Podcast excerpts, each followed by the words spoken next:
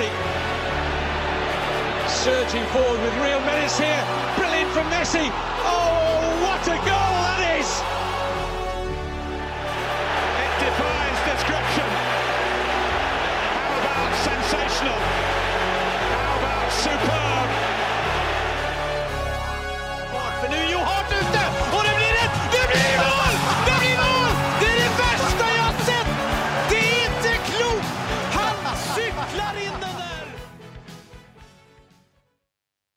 Ja da! Da kan jeg ønske hjertelig velkommen til episode 164 av eh, den eh, ja, Hva kan du si? eh, vi, den, Har du gått tom for Begynner du å gå tom? Allerede nå? Ja, På 164, bare. Jeg fant ikke flere adjektiv nå. Det, det var tungt. Og så ser jeg det at mikrofonen sitter ganske langt ned her. Jeg ser at dette blir vondt for deg i lengden. Språkmektige fotballpodkasten. Ja, men det ser ut som jeg akkurat Språkmektig, den var fin, Ja. Dupker. Men det ser ut som jeg akkurat er på hoppkanten, liksom. Jeg liksom så jeg løfter mikrofonen litt høyere, og så eh, kan jeg jo introdusere Søren Dupker som ny eh, medlem av podkasten. Det føles litt sånn etter, en, eh, etter en, eh, noen ukers ferie. Ja, det føles jo som borte et halvt år. Ja, på mål. ja det føles, fra postkassa i hvert fall. Føles litt sånn, ja. Ja, ja. Det må ha vært deilig å få litt fred fra disse to. Nei, jeg savner jo innspillingene. Ja, ja, ja. Nei, men det, det, det er hyggelig, Mats. Det, det må vi ta som et kompliment. Og vi tar med oss det videre i livet. For jeg og Mats skjønner du, vi har sittet her og skravla litt i sommer. Ja, og jeg har hørt på. Jeg likte det jeg hørte. Ja, men det er godt. Det er godt. Eh, vi har fått mye gode tilbakemeldinger på det, så det, det, det er i hvert fall ikke helt vært bortkasta, da. Nei, det er bra. Det er bra. Eh, Det hadde ikke gjort noe om det hadde vært bortkasta. Vi har jo kosa oss. Ja, det er, det er jo og, det var jo også meninga med det. Ja, men det har glidd litt over til at nå er det litt artigere òg, at folk hører på. Det, det, er, det er jo klart, det. Vi, vi starta jo eh, med to tomme hender, og vi To sa tomme huer og Ja, og vi sa liksom det at eh, ok, så lenge noen venner og litt sånt hører på, så er det gøy. Og, og, og, og nå er vi på ja, det er, så, det er så mange lyttere at jeg blir nesten svimmel, og det, det er veldig, veldig hyggelig. Ja, Det er superhyggelig. Altså Som jeg sa da jeg ble med i år, at jeg kunne fint sitte her hver uke og bare snakke fotball i to, to og en halv, tre timer. Og at noen har lyst til å høre på det, er bare bonus, tenker jeg. Jeg husker jo denne episoden hvor vi trodde vi ikke hadde tatt opp episoden. Og det var jo ingen av oss som hang med hodet. Nei. det var jo sånn, ja ja, vi har hatt en fin kveld likevel. Ja, det var jo det. Ja. Eh, Men eh, forhåpentligvis så spiller han som han skal, og vi kan jo begynne med noen Twitter-spørsmål her. Eh, Fra Torjus Hansen. Føler 90 minutter konkurranse fra TV2s fotballpodkast. Når de mistet PL-rettighetene, har de visst kunnskap nok til å snakke om all europeisk fotball. Var ikke det bra svar, det vi allerede tok før det spørsmålet? da? Jo, ja. At vi er ikke så opptatt av eh, Vi, vi er ikke det, og så må jeg innrømme at jeg har ikke hørt på TV2s fotballpodkast, så jeg veit ikke helt. Nei, ikke heller, men jeg tenker jo egentlig bare at det er bra at man har mange podkaster å velge mellom å finne seg akkurat den som passer en best. Ja, det tenker jeg. Altså, det er så behagelig å ha mye podkast å høre på. Mm. Altså, det er ikke sånn at det må være én type podkast, og så bare sitter du og venter. Det går fint an å ha 13 podcaster. Ja, og så kan det hende man blir litt sliten av Thomas Edvardsen i øret, så da, da er det kanskje greit å, å, å slå over på noe annet iblant. Men eh, jeg, jeg tenker jo det at det er noen andre som kjører vårt konsept, så må vi bare ønske det velkommen. Og, og konkurranse, det er vel noe som gjør deg bedre, er ikke det? Ja, det kommer noen radikale forandringer her nå i den, den podkasten her, i hvert fall for at vi skal fortsatt være på topp. Det er viktig. Eivind Stølen, er innspillingene best med eller uten rusbrus? jeg føler at det spørsmålet går til Mats, kanskje. Nei, altså Selve innspillinga, det gikk jo mye lettere. eh, Men det er klart, det, det var litt Hva heter det for noe når du våkner opp fyll, Nei, ikke fyllesyk. Du ble, du ble fyllesyk Ja, under men podcasten. Fylleangst, er det det det heter? Ja, angst, ja, ja. ja. Ja. Det våkna jeg opp med dagen Det var ikke noe ålreit. Jeg har ikke turt å høre gjennom den episoden. Det er episode 160 til alle som, som har lyst til å høre på det. Men altså, vi alle har jo tatt oss noen slalåmbrus, men eh, det er ingen som har vært så sveiseblinde som han rett over, rett over her. Det, det, det skal sies. Eh, på han vil at vi skal snakke om den norske journalistikken og, og jaget etter å komme først med nyheter, og, og, og det gjør at enkelte tar snarveier eller kopierer fra utenlandske medier og hevder at det er deres eh, informasjon. Eh. Ja, og jeg syns det er litt synd, eh, og jeg har tenkt på det flere ganger, at det jeg savner virkelig i Norge, det er egentlig litt som vi har i Tyskland med Kicker. Eh, en ordentlig sånn fotballavis. En avis som bare er viet til fotball og kanskje litt annen sport uh, rundt det der. Er ikke det Josimara? Ja, men det, det, er på en måte ikke jag etter nyheter. Josima Josima har litt sånn mer dybdeartikkel her, føler ja, jeg. da. Det, og, det, og det er jo, de er jo veldig gode, for all del, men jeg tenker litt sånn En nyhetsside for fotball, og kanskje litt annen idrett. Uh, det savner jeg litt, og jeg føler altså da at det er jo det er jo litt det at det glir litt sånn for, veldig fort over i det populistiske i, uh, i norsk sportsjournalisme, dessverre. Mm. Mm.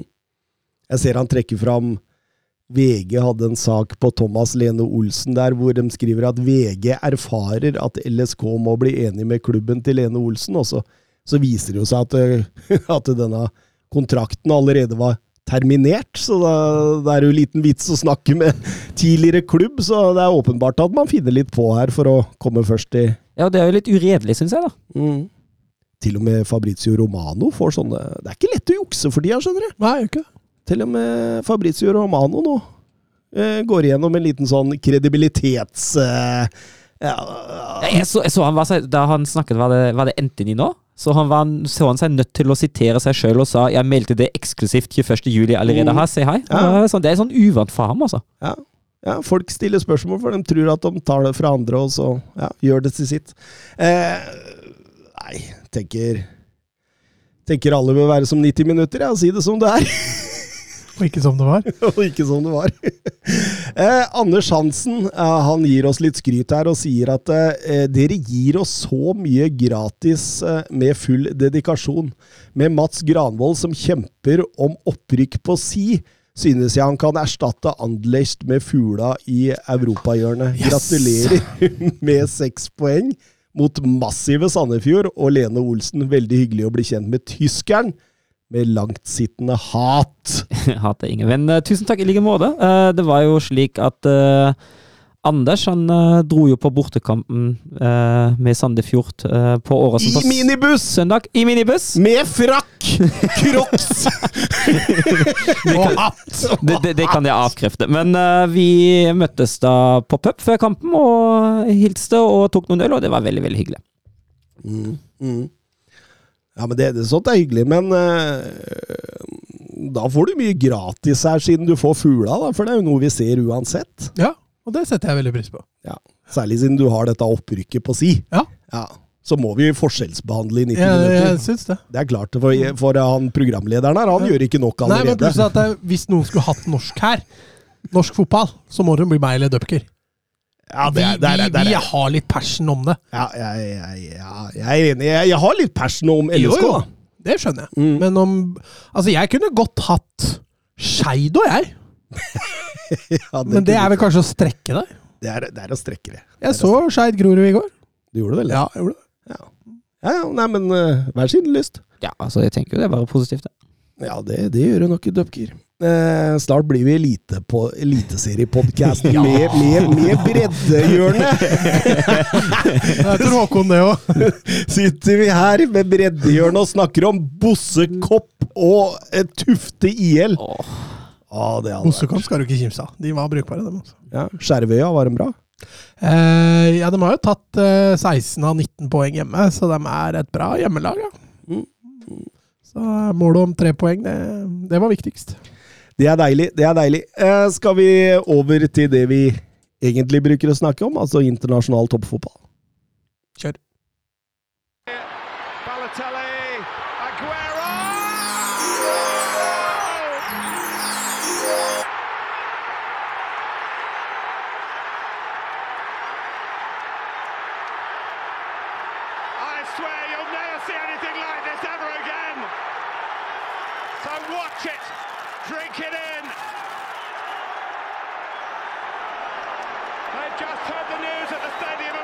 Men, men det er vel ikke noe på den knappen, er det det? Nei, Nei.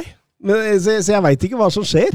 Det blir spennende å se da når vi kommer ut, men du, det er eh, Ja, tida går, ja. ja. Nei, det er opptak. Vi satt akkurat og skrøt av hvor sjelden vi har problemer eh, teknik tekniske her. altså.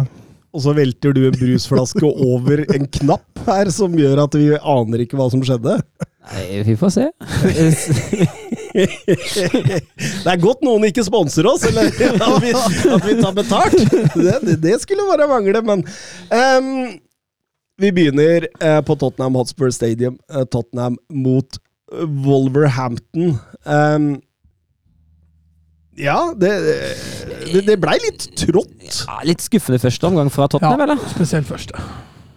Ja, det Men, litt- men en positiv overraskelse over Wolves Mm. i den første gangen. Mm. Som ikke var redd for å sende fram folk, i hvert fall. Møtte opp med sju av elleve i startoppstillingen fra Portugal. Ja, pluss trener og to på midtbenken i tillegg, så de kan snart stille fullt mannskap der. de, de, de kan det, og, og, og de ga jo Tottenham eh, Ja, altså, det var ganske sjansefattig sånn egentlig, men de, men de, de ligger jo tett og kompakt og, og, og kjører overganger med Gedes, Neto og, og på den så god, og, Ja, og frustrerer egentlig Tottenham litt. Ja, og så og er det noe med den eh, Altså, det kommer jo en del skudd fra Wolf, særlig fra sånn 18-19-20 meters eh, på holde. dødballen der, da. Ja, ja, ja, det var fin. fint. Neves. Fin. Å, fy fader, for en treff. men da, da, da, det, da det syns det, det skorter litt for Spurs, er jo den sentrale midtbanen i første omgang. Uh, da blir det ofte overtall, og det mellomrommet, da kommer Wolf seg ofte inn i, syns jeg. Mm. Så blir det ikke helt det store ut av det, men eh, det var nok et lite svakpunkt før Det blir pausen. spennende å følge trenden for Tottenham òg, når de møter fembackslinje. For da, da har de slitt litt mer. Ja, de har gjort det. De har gjort det. Eh, men annen gang Det er åpenbart at Conte har gjort, gjort noe i pausa. Jeg, jeg, jeg så etter blåmerker jeg, på Tottenham-spillere. Eh, Jeg tror han har brukt ord, bare. Han, han har åpenbart gjort det, for de kommer jo ut i 100. Kane har en i tverleggeren der, Son har en i stolpen, og, og, og til slutt så, så skårer jo Kane eh, etter en dødball. Følger du med på Kane på en dødball hele veien? Det er så fascinerende, altså. Mm. Det er nye bevegelser hele tida. Og når den dødballen går, og så ser du forsvarsspilleren nøler et halvt sekund, og så slopp, så er den borte. Ja. Da er det rett foran deg og header Ja. ballen åpent mål. Det er klart, det er ikke lett å beregne en stuss, men eh, ekte målgjørere de havner ofte der ballen detter ned. Altså. Hans 250. mål for Tottenham i alle turneringer, og er nå den spilleren med flest Premier League-mål, for ett lag gikk altså forbi Saugio Aguero, og har nå satt 185 Premier League-mål for Tottenham. Det, er- det, det, altså, det, det har vært noen eh, gode Premier League-angripere opp gjennom tida, så det, det, det er gode tall.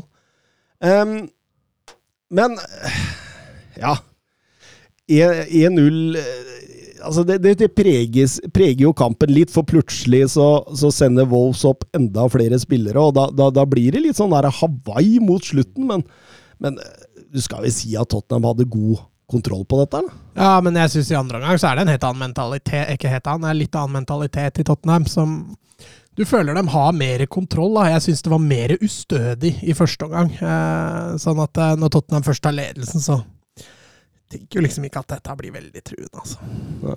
Nei. Og eh, da, da vinner de 1-0 da, på en, eh, på en middels dag, og det er, er ikke det litt typisk Conte? Jo, det er jo det. Det er mange middelse dager der, er det det du mener? Ja, men at han eh, drar, ut drar resultatet. ut eh, resultatet for det om de har en dårlig dag, liksom. Mm. Eh, Petter Støvland, eh, hvilke faser er det Tottenham sliter i? Altså, jeg, jeg tenker jo at det er først og fremst to faser man sliter med. Og det, det er mot lag som overbefolker midten tidlig. Eh, ofte har Tottenham kun pga. den 3-4-3-formasjonen, så har de ofte kun to inne sentralt og veldig mange ute bredt. Og, og når den blir overbefolka eh, på sentral der, så, så litt det samme som mot Wolverhampton. Så, så, så sliter de. Eh, og Ja, altså du, du, du kan jo si det sånn at eh, at eh, det, det er jo mange som vil at Conte skal kjøre 3-5-2 mot disse laga. Altså putte på en, en sentral midt isteden, og så ofre f.eks. en Kulisevskij eller en Son. Eh, Men eh, Jeg tror det er bedre å bare kjøre 3-4-3 og kjøre tvers igjennom. Altså. Eller justere underveis. Ja, altså, det er så vanskelig å ofre en av de tre framme. Altså, Kulusevski har jo virkelig plukka opp hansken. Eh, Jeg syns han har vært en, en av de bedre offensivdriverne for Tottenham. Så ofre han Altså, Han kan jo ikke dytte ned i en indreløper heller, og det kan jo ikke med Son og Kane. så det er Så klart, er det du, Rikarlisson i bakhånd der også. ja, altså, du mister jo selvfølgelig noe, men øh, Eller du får jo selvfølgelig noe, men det er jo noe du mister òg, da, med dette her. og Og massive, hva skal vi si, hvor flinke Tottenham er til å skape overtall bredt, da, det, det kommer du til å miste tvert. Mm. Eh, men du blir kanskje litt tryggere defensivt for at du ikke havner i undertall hele tida. Men det er litt derfor også Høibjerg da, eh, og Bentancour er jo så vanvittig til å dekke rom. ikke sant? Så de, de redder, seg jo, Mm. redder seg jo bra inn. Men de er ikke noe Altså Det er lettere å skape trykk på Tottenham da, hvis du er flink til å overbefolke midten. Mm. Og, og det andre, det er mot lag som klarer å omstille seg raskt fra angrep til forsvar. Altså har en god offensiv markering, tar ut raskt kontringspunktene, spesielt av Kane. da. Eh, og, og, og har en god balanse i det, da. Ja, og det har jeg snakka om før. At eh, Tottenham er jo altså Contes Tottenham er jo best når de får litt rom. Eh, og når du tar vekk det rommet, og tar det tidlig ut, så blir det vanskelig. Og det er noe som Conte absolutt må jobbe med. Ja, eller så må han hente en kreativ midtbanespiller han kan putte Det er det jeg på også med, Når dette ja. kampforløpet er er uh, Ja. Skal han ha en er- klassekreativ spiller, så, så bør han spille for det meste hele tiden, eller? Ja, men i hvert fall i, i kamper du ikke får så mye rom, da. Så tenker jeg at det da hadde vært greit å ha en, en ja, Kall det gjerne en Christian Eriksen-type. Ja. Ehm, Arsenal hadde vel ingen problemer mot Bournemouth. Nei, og det, altså, den kampen er jo egentlig avgjort før, elleve 11 minutter er spilt, uh, når de går opp uh, 2-0. eller noe sånt der. Men jeg syns jo Arsenal gjennomfører også en god kamp. Uh, fokusert fra start. Veldig offensiv. altså De bygger jo opp noe skeivt med Zinchenko litt høyere enn White, men White tar jo en god del flere dype og overlappende løp i tillegg. Uh, og så har man jo strengt tatt bare de to stoppene og til tider Party i sikring, da. Alle Mm. andre spillere befinner seg høyt oppe i banen. Eh, vi satt her for ett år siden og snakket om eh, at Arsenal aldri makta å få å treffe riktig sentralt med folk i boksen, og hadde så få folk i boksen. Og det er det stikk motsatte nå. Nå står det masse folk sentralt, det åpnes pasningsveier hele tida, eh, og det, det ser ganske bra ut akkurat nå. Mange bevegelser, mange samtidig og motsatte. Godt tempo på ballen, varierer angrepsspillet. Både inn i mellomrom og så i bakrom og vendinga. Altså et vanvittig, kall det gjerne, arsenal av, av, måter, å, av måter å angripe på, Mats. Og så er det veldig deilig å se på Gabriel Jesus blomstre offensivt. Ja, han skårer ikke mål ennå, da, men, men noen av de involveringene han gjør Ja, Den, den, den innledninga her før 1-0, ja, den men, er men altså, Jeg er helt enig. Mot Palace òg, så har han veldig god i starten, og så blir han bare mer og mer anonym. Litt samme her, men Bra mot Leicester, da. Da Ja. han vel to mål og to assist. ja. øh, og så her også, hvor han øh, Han leker jo fotball første kvarteret der. Men det er en norsk landslagskaptein også som gjør seg gjeldende her. Ja, det tok litt tid før du dro inn han, faktisk. Ja, Han får jo to nettkjenninger, han. Deriblant den ene hvor Jesus gjør eh, stort forarbeid. Han første kamp siden eh, 2014 på Marienlyst mot Lillestrøm, Lillestrøm, at han skårer to mål. Det var en 15. Åh, det skulle jeg nevne nå på mitt eh, europahjørne. da. Ja, du skulle det? Ja, ja, ja. ja. Nei, men det blir jo en transportetappe. Saliba setter 0-3 der, og, og eh, Nei, eh, det ser veldig, veldig greit ut. Og så, så, så skal det også nevnes at eh, de har ikke blitt satt på de helt store prøvene ennå. Jeg syns jo Palace borte var sterkt resultat. Ja, men der hadde de også Mm. ganske tur. Altså, Det kunne like godt endt med tap, så jeg, jeg, jeg vil Ja, men se du dem. sa jo at de ikke har blitt satt på noen prøver. Ja, noen skikkelige prøver. altså Da snakker jeg om Chelsea, City, Liverpool, Tottenham. De, de laga der, da. Jo, jo. Men av de nest beste, da, så vil jeg si Palace borte er kanskje et av de aller tøffeste. Ja, Og der Så, så viste de at de hadde litt tur. Så vi, vi får se. Jeg, jeg, jeg trekker ikke noen konklusjon rundt det enda. nei, men men jeg, du vet jo, jeg har støtta Arteta fra dag én, så jeg bygger jo opp dette her, jeg. Det skjønner jo du òg. Men eh, det, det som er interessant, da, det er at det er jo Altså Det er jo en enorm forandring fra sist sesong. De sto jo med null poeng etter tre, tre seriematcher sist sesong. Og, og det at et lag taper sine tre øh, første sesongen før, og vinner de tre øh, neste sesong øh, Det har ikke skjedd siden Everton gjorde det på slutten av 30-tallet. Såpass, ja. Og når de gjorde det, så ble det seriegull. Jeg kan jo også nevne at eh, det er første gang siden 03-04 at Arsenal sender ut samme elleve spillere i de første tre kampene for sesongen. Ja. Og 03-04 var jo den eh, invincible-sesongen. Anders Hansen på Twitter, hvor langt tror dere Arsenal og Tottenham kan komme i år? Vil det bli en sesong der det blir en kamp om annenplassen hele veien? Han, han ser Manchester City som untouchable. Ja, er det dem, ikke Liverpool, altså? Jeg vil tro at han tenker City her. Ja, håpe håpe.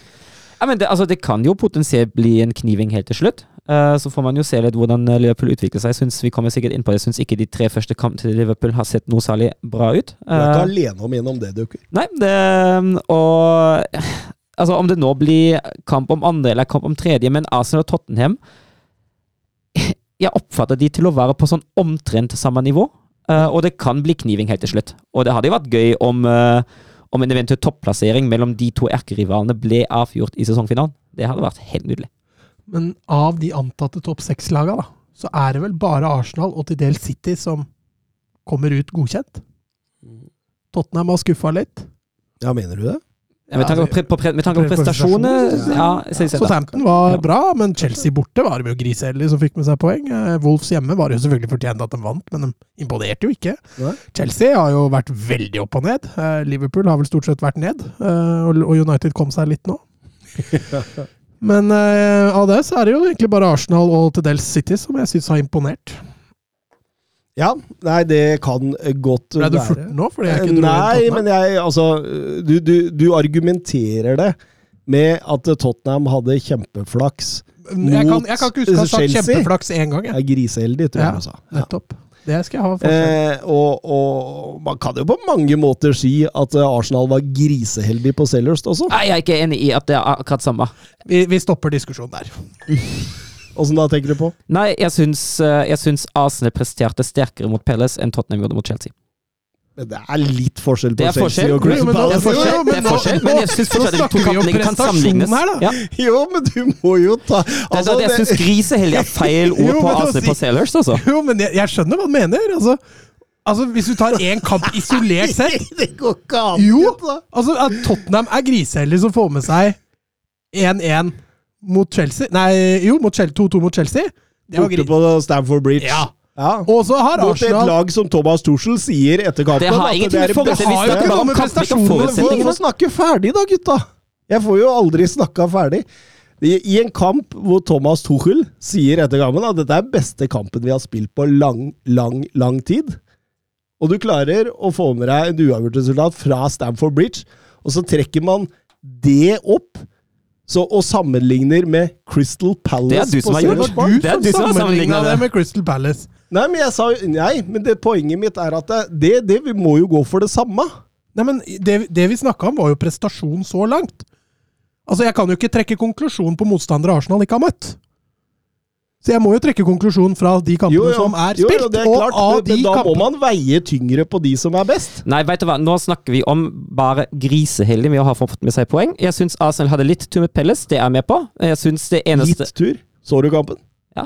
ja. Nei, det Jeg syns Arsenal hadde Jeg syns Arsenal hadde er i hvert fall feil ord. altså, Palace overkjørte dem i annen omgang. Altså, Wilfred Saha lekte med, med Arsenal Jo, det er greit nok, men der, leder de allerede 1-0, og at de går med 1-0 til pause, er ikke ufortjent.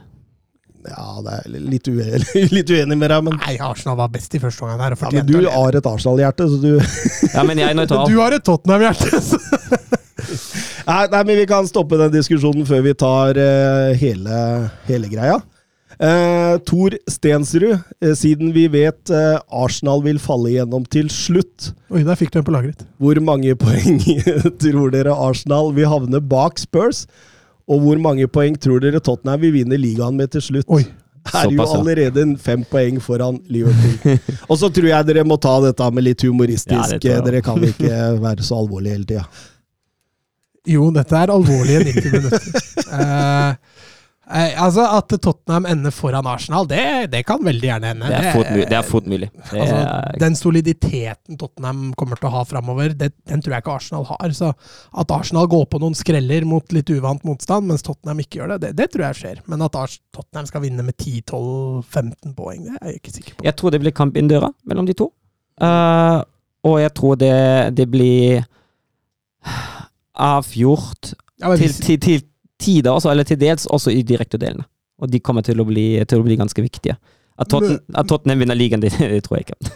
Jeg er eh, enig med dere der. Jeg tror det blir eh, ganske jevnt hele veien gjennom der.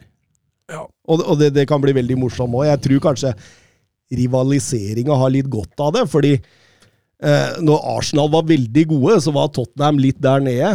Og, og, og Tottenham har gått forbi Arsenal mest på grunn av altså Tottenham har jo hatt et oppløft med Pochettino og alt det der, men, men, men at det at Arsenal har blitt dårligere eh, mot slutten av Wenger-tida og etter Wenger-tida, har gjort at det, det har gått fortere også. Så eh, veldig morsomt om for rival- rivaliseringa klubbene imellom, da, om de, om de eh, følger hverandre litt inn nå. og så enda gøyere hvis de kjemper om noe metall. Ja, det hadde vært gøy. Det hadde Ja. vært gøy. Da tror jeg, da tror jeg det kunne eksplodert. Og det kan fort skje, altså. Ja, altså Det blir jo spennende å se når Liverpool våkner, og om det da eventuelt er for seint. Eh, for de må få tilbake noen folk Ja, det- fra skade, for det ser syltynt ut der nå. Men eh, hvis den eh, formkurven fortsetter feil vei, og skadene f f uteblir, holdt jeg på å si, så, så kan det fort bli både andre- og tredjeplass på de to der, altså. Ja da, ja da, for all del. Altså, det er nok av gode Premier League-lag der til at altså, Jeg, som Tottenham-supporter, vil være fornøyd med en tredjeplass i denne sesongen. Eh, Akkurat nå, ja. ja, ja. ja. Ja. Og så kjemper man lenge om sølv og gull, og så blir det tredje. Da blir du skuffa. Ja, det er klart. det er klart. Eh, vi må også ta for oss et annet London-lag. Eh, Chelsea var på, på tur i Yorkshire og skulle møte Leeds, og det, det gikk ikke helt etter planen. Jeg har meldt på han Mendy før, har jeg ikke det? Du har, du har det, og Jeg mener å erindre Det, det, det, det morsomme er at da jeg møtte Anders Hansen, det, gikk, det var jo samtidig som den kampen gikk. Og så så er det en tabbe der, så kommer jeg til å si at nå blir Mats glad på tirsdag. Du blir Mats ble glad. glad når spådommene går gjennom. Ja, men Han begynner å få noen tabber nå på kvota si, så jeg begynner å føle at jeg har orda mine i behold nå. Mm, mm. Ikke Ja. det at jeg unner verken han eller Chelsea vondt, liksom, men Nei, det er Ja, klart. han gjør en- grov feilvurdering på 1-0 der. Han gjør det, og han, på, på mange måter altså Selv om de hadde blitt rundspilt til, til, til de grader før det, så, så, så må vi jo si det at uh, dette var liksom startskuddet. Da kom Moreno rett etterpå og, og, og satte 2-0, og så Altså, Tuchel prøver mye. Han prøver veldig mye. Han bytter formasjoner. Han, han, han kjører fem bak, fire bak, tre bak, to sentrale, én sentral. Han, han ikke tier, vangler i formasjoner. Åpen, altså Loftus Cheek ble bytta i så mange posisjoner at det snart mangla bare keeper. Så, så, så han skal ha for forsøket, Tuchel. Og, men jeg tror ikke han helt forsto hva som traff han der. Nei, og jeg eh, tror fortsatt ikke han er komfortabel med, med materialet sitt heller. Eh, For eh, altså, en ting er Kolibali-utvisningen, da avgjør jo litt matchen, men eh, med tanke på, på at han rullerer så mye både i formasjon og hvor folk spiller, det gjør at han, han er ikke sikker ennå. Det, det er grusomt som trener å drive og famle sånn, altså. Mm, mm. Det er klart, det er som du sier, da, Chelsea kunne jo fint hatt en scoring før Leeds fikk sin, og da, da hadde jo kampbildet vært litt annerledes. Men eh, når Leeds først får det målet, så, så er det litt eh, sårt, eller hva heter det for skjørt, dette, Skjørt, ja. dette Chelsea-laget. altså. Absolutt. eh, Nei, jeg syns Leeds eh, leverer en eh, kanonkamp her, egentlig fra første minutt. Jeg er ut av det. Altså, det, det, det var litt sånn Jesse Mars møter Bielsa. Ja, ja. Jeg skjønner, jeg ja, jeg, skjønner- jeg skjønner hva du mener, ja. Men altså, det er jo, det er jo herlig å se den aggressiviteten, da. Mm. Uh, og det er Ofre alt og jo, Gikk jo nesten skeis noen ganger med tanke på rommet som ble etterlatt når Chelsea kom seg forbi. Mm. Uh, men i det store hele, har- hele har det jo fungert ganske greit. Så kan man jo snakke om et mentalt sammenbrudd av, uh, av Kolobalin og han pådrar seg sitt andre Hvor, gule. hvor dust er det, gule, det andre gule der? Jeg Altså? tror ikke han tenker det. Jeg tror han bare handler. Det er frustrasjon. Og så Ja, men at det er naturlig å holde igjen der, for du er på etterskudd. Og så hadde han tenkt litt, så hadde han jo huska at han hadde hatt et gult kort, og så hadde han ikke holdt. Men, men jeg tror det går litt på refleks, da. Mm. At du er i trøbbel, du bare river tak i han som er på vei gjennom. Og så. Som var elendig. Ja, dette var et steg i feil retning, ja. Siden 17-18-sesongen har han fått seks røde kort i Serie A og nå Premier League. Det er ingen i topp fem-ligaene som har hatt flere røde kort på denne tiden. Så det, det sier jo egentlig det meste. Han er jo litt uvøren. Jeg, jeg har sett flere, eller hørt flere fotballpodcaster, også fotballpodcaster som følger italiensk fotball nøye, og de, de, de var litt sånn når han gikk til England at uh, haha, alle snakker om at han er så, så, så, svak med beina, men det er han jo virkelig ikke. Folk har jo virkelig ikke skjønt hvem Kolobali er, og, men det han har vist med ballen i beina i, i Premier League, har jo vært ja, altså varierende, da. Veldig varierende. Åpenbart at uh, tempo tar han litt, tror jeg, med ball i beina. Men goalen sist var jo bra, da. Den var fin. Den var fin. Det, Det er kan, ingen tvil om. kan jo fortelle at, man, at han uh, trenger litt tid til å bli vant til det. Mm. Jeg tror også det er litt sånn tempoomstilling. Eh, noen bruker bare lengre tid, selv om de har ferdighetene inne, liksom. Ja, snakker, vi snakker om en stopper, vi snakker ikke om en uh, offensiv spiller heller. Nei, for, men det er også, senere. sånn sett også kan det hende han reddes litt av en Trebekslinje over tid. da. Mm. At du, du får gjemt deg litt. grann. Interessante tall, da. Eh, dette var Thomas Tuchels 60. Premier League-kamp som Chelsea-manager. På de første 30 slapp han inn 17. På de neste 30 har de sluppet inn 34, altså en dobling. Det, det er jo litt bekymringsverdige tall. Ja, så går det jo gærne veien også denne sesongen. Starta jo med å holde nullen, og nå er det to mot Tottenham og tre mot Leeds, så det går, det går feil vei. og Det laget der skriker jo etter eh, bredde i forsvarsrekka. Defensiv stabilitet. Eh, Nå er vel Fofana kanskje på vei inn dørene der, men Men Vi måtte ha to milliarder, eller? det, det blir dyrt. Det blir dyrt. Eller er det Maguire? Tenk det, ja. Tenk det, ja. Jeg tror ikke United har råd til å slippe Maguire. Nå har de solgt Bailly, liksom. Jeg Hvem er det? tror ikke Chelsea har råd til å Nei. hvis de skal ha topp fire. Eh, Bjørn Erik Skorge, har Tuchel noe angrepsplan? Skal en 33 år gammel Aubameyang være redningen for Chelsea? Det ser ikke bra ut nå. Det er Barca-kjøp, ass! Aubameyang? Er du ikke enig? Å kjøpe Aubameyang nå for sånn 20 mil? Ja, men, det, men, men Barca fikk den jo gratis her. Ja, dette er jo kjempe, dette er jo kjempebutikk! Her sitter, sitter vi og snakker om Jens ja. på de gamlingene de henter, da. Men at de skulle snuble over et desperat Chelsea altså, hadde, hadde jeg vært sportslig leder i Barca, hadde jeg tuppa Aubameyang retning London. ASAP, ass! 20 mil for han! 15 pluss add-on, var det ikke det? Jeg tror jeg leste det. Det må jo være kjempebutikk. Han er jo Jeg får se hva som skjer med Depay, da, men eh, altså, han er jo ikke førstevalget i Barca, så hvorfor ikke, liksom? Nei. Og Chelsea er jo åpenbart desperate nå etter en, eh, etter en spiss. Ja, jeg kan jo skjønne at de er desperate etter en spiss. Uh, for jeg, jeg, jeg syns altså, i- mot den, I den Leeds-kampen jeg fikk til tider det vi snakket om, liksom det City-syndromet, at uh, med en nier på topp tror jeg det hadde kanskje sett bitte litt bedre ut. Mm.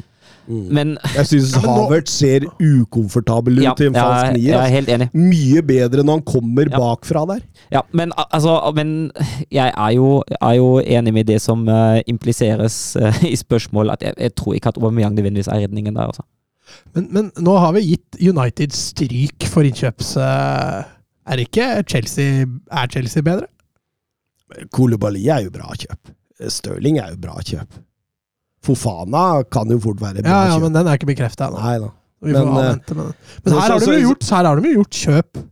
Ja, jeg jeg, jeg syns jo er- heller det er mangelen av Chelsea-kjøp man må, må kritisere, enn faktisk de som har gått igjennom. Eh, fordi det er jo åpenbart at man sitter man her nå, eh, og, og det er, sju-åtte dager til, eh, til vinduet stenger. Og man mangler helt, helt vesentlige eh, Altså forsterkninger på vesentlige plasser. Det, det er ikke bra for en toppklubb heller. Nei, det er jo ikke det. det, Og er så- ikke det. Og som vi har snakket om, altså, det, som, det som man får henta da, er enten spillere som sitter på benken til de større klubber, som uh, Aubameyang, eller så henter man gode spillere som spiller i lavere klubber, som ser det som et neste steg. Eh, Beste eksempelet nå er jo altså Fofana eller Kostic, som nå har gått til Juventus fra Frankfurt. Men det, det er liksom de typer spillere du får nå. Ja. Og så må vi jo legge til også at dette er jo selvfølgelig ringvirkninger av det som skjedde med når Roman Abramovic forlot. Ikke sant? Altså, Rudiger har jo vært inne på det, at sannsynligvis hadde jeg skrevet under en ny kontrakt. Og visst eh, Har han sagt det? Ja. Såpass. Og, og, og da Og da tenker jeg jo liksom det at eh, her har de jo åpenbart blitt litt tatt av denne, denne mm, Abramovic-krisa. Mm. Ja, men samtidig, når du har en russisk oligark som, eh, som Du må ta så høyde for det! Ja, men altså Det er samme som City og Newcastle-supportere. De bør sitte og alltid ha en viss Apropos City og Newcastle, The Clash of the Cash. Den ble spilt, den også. Det var en ekstremt morsom fotballkamp! Og så mange kule, bra mål! Ja, det jeg satt og kosa meg fra start til slutt. Altså, det var, altså når, når du tar deg i å sitte og humre og le når du ser fotball Har du bytta ut Almiron av laget ditt? Ja, det har jeg gjort. Ja, Selvfølgelig. Jeg tenkte på deg, skjønner du, når han scora med kne der.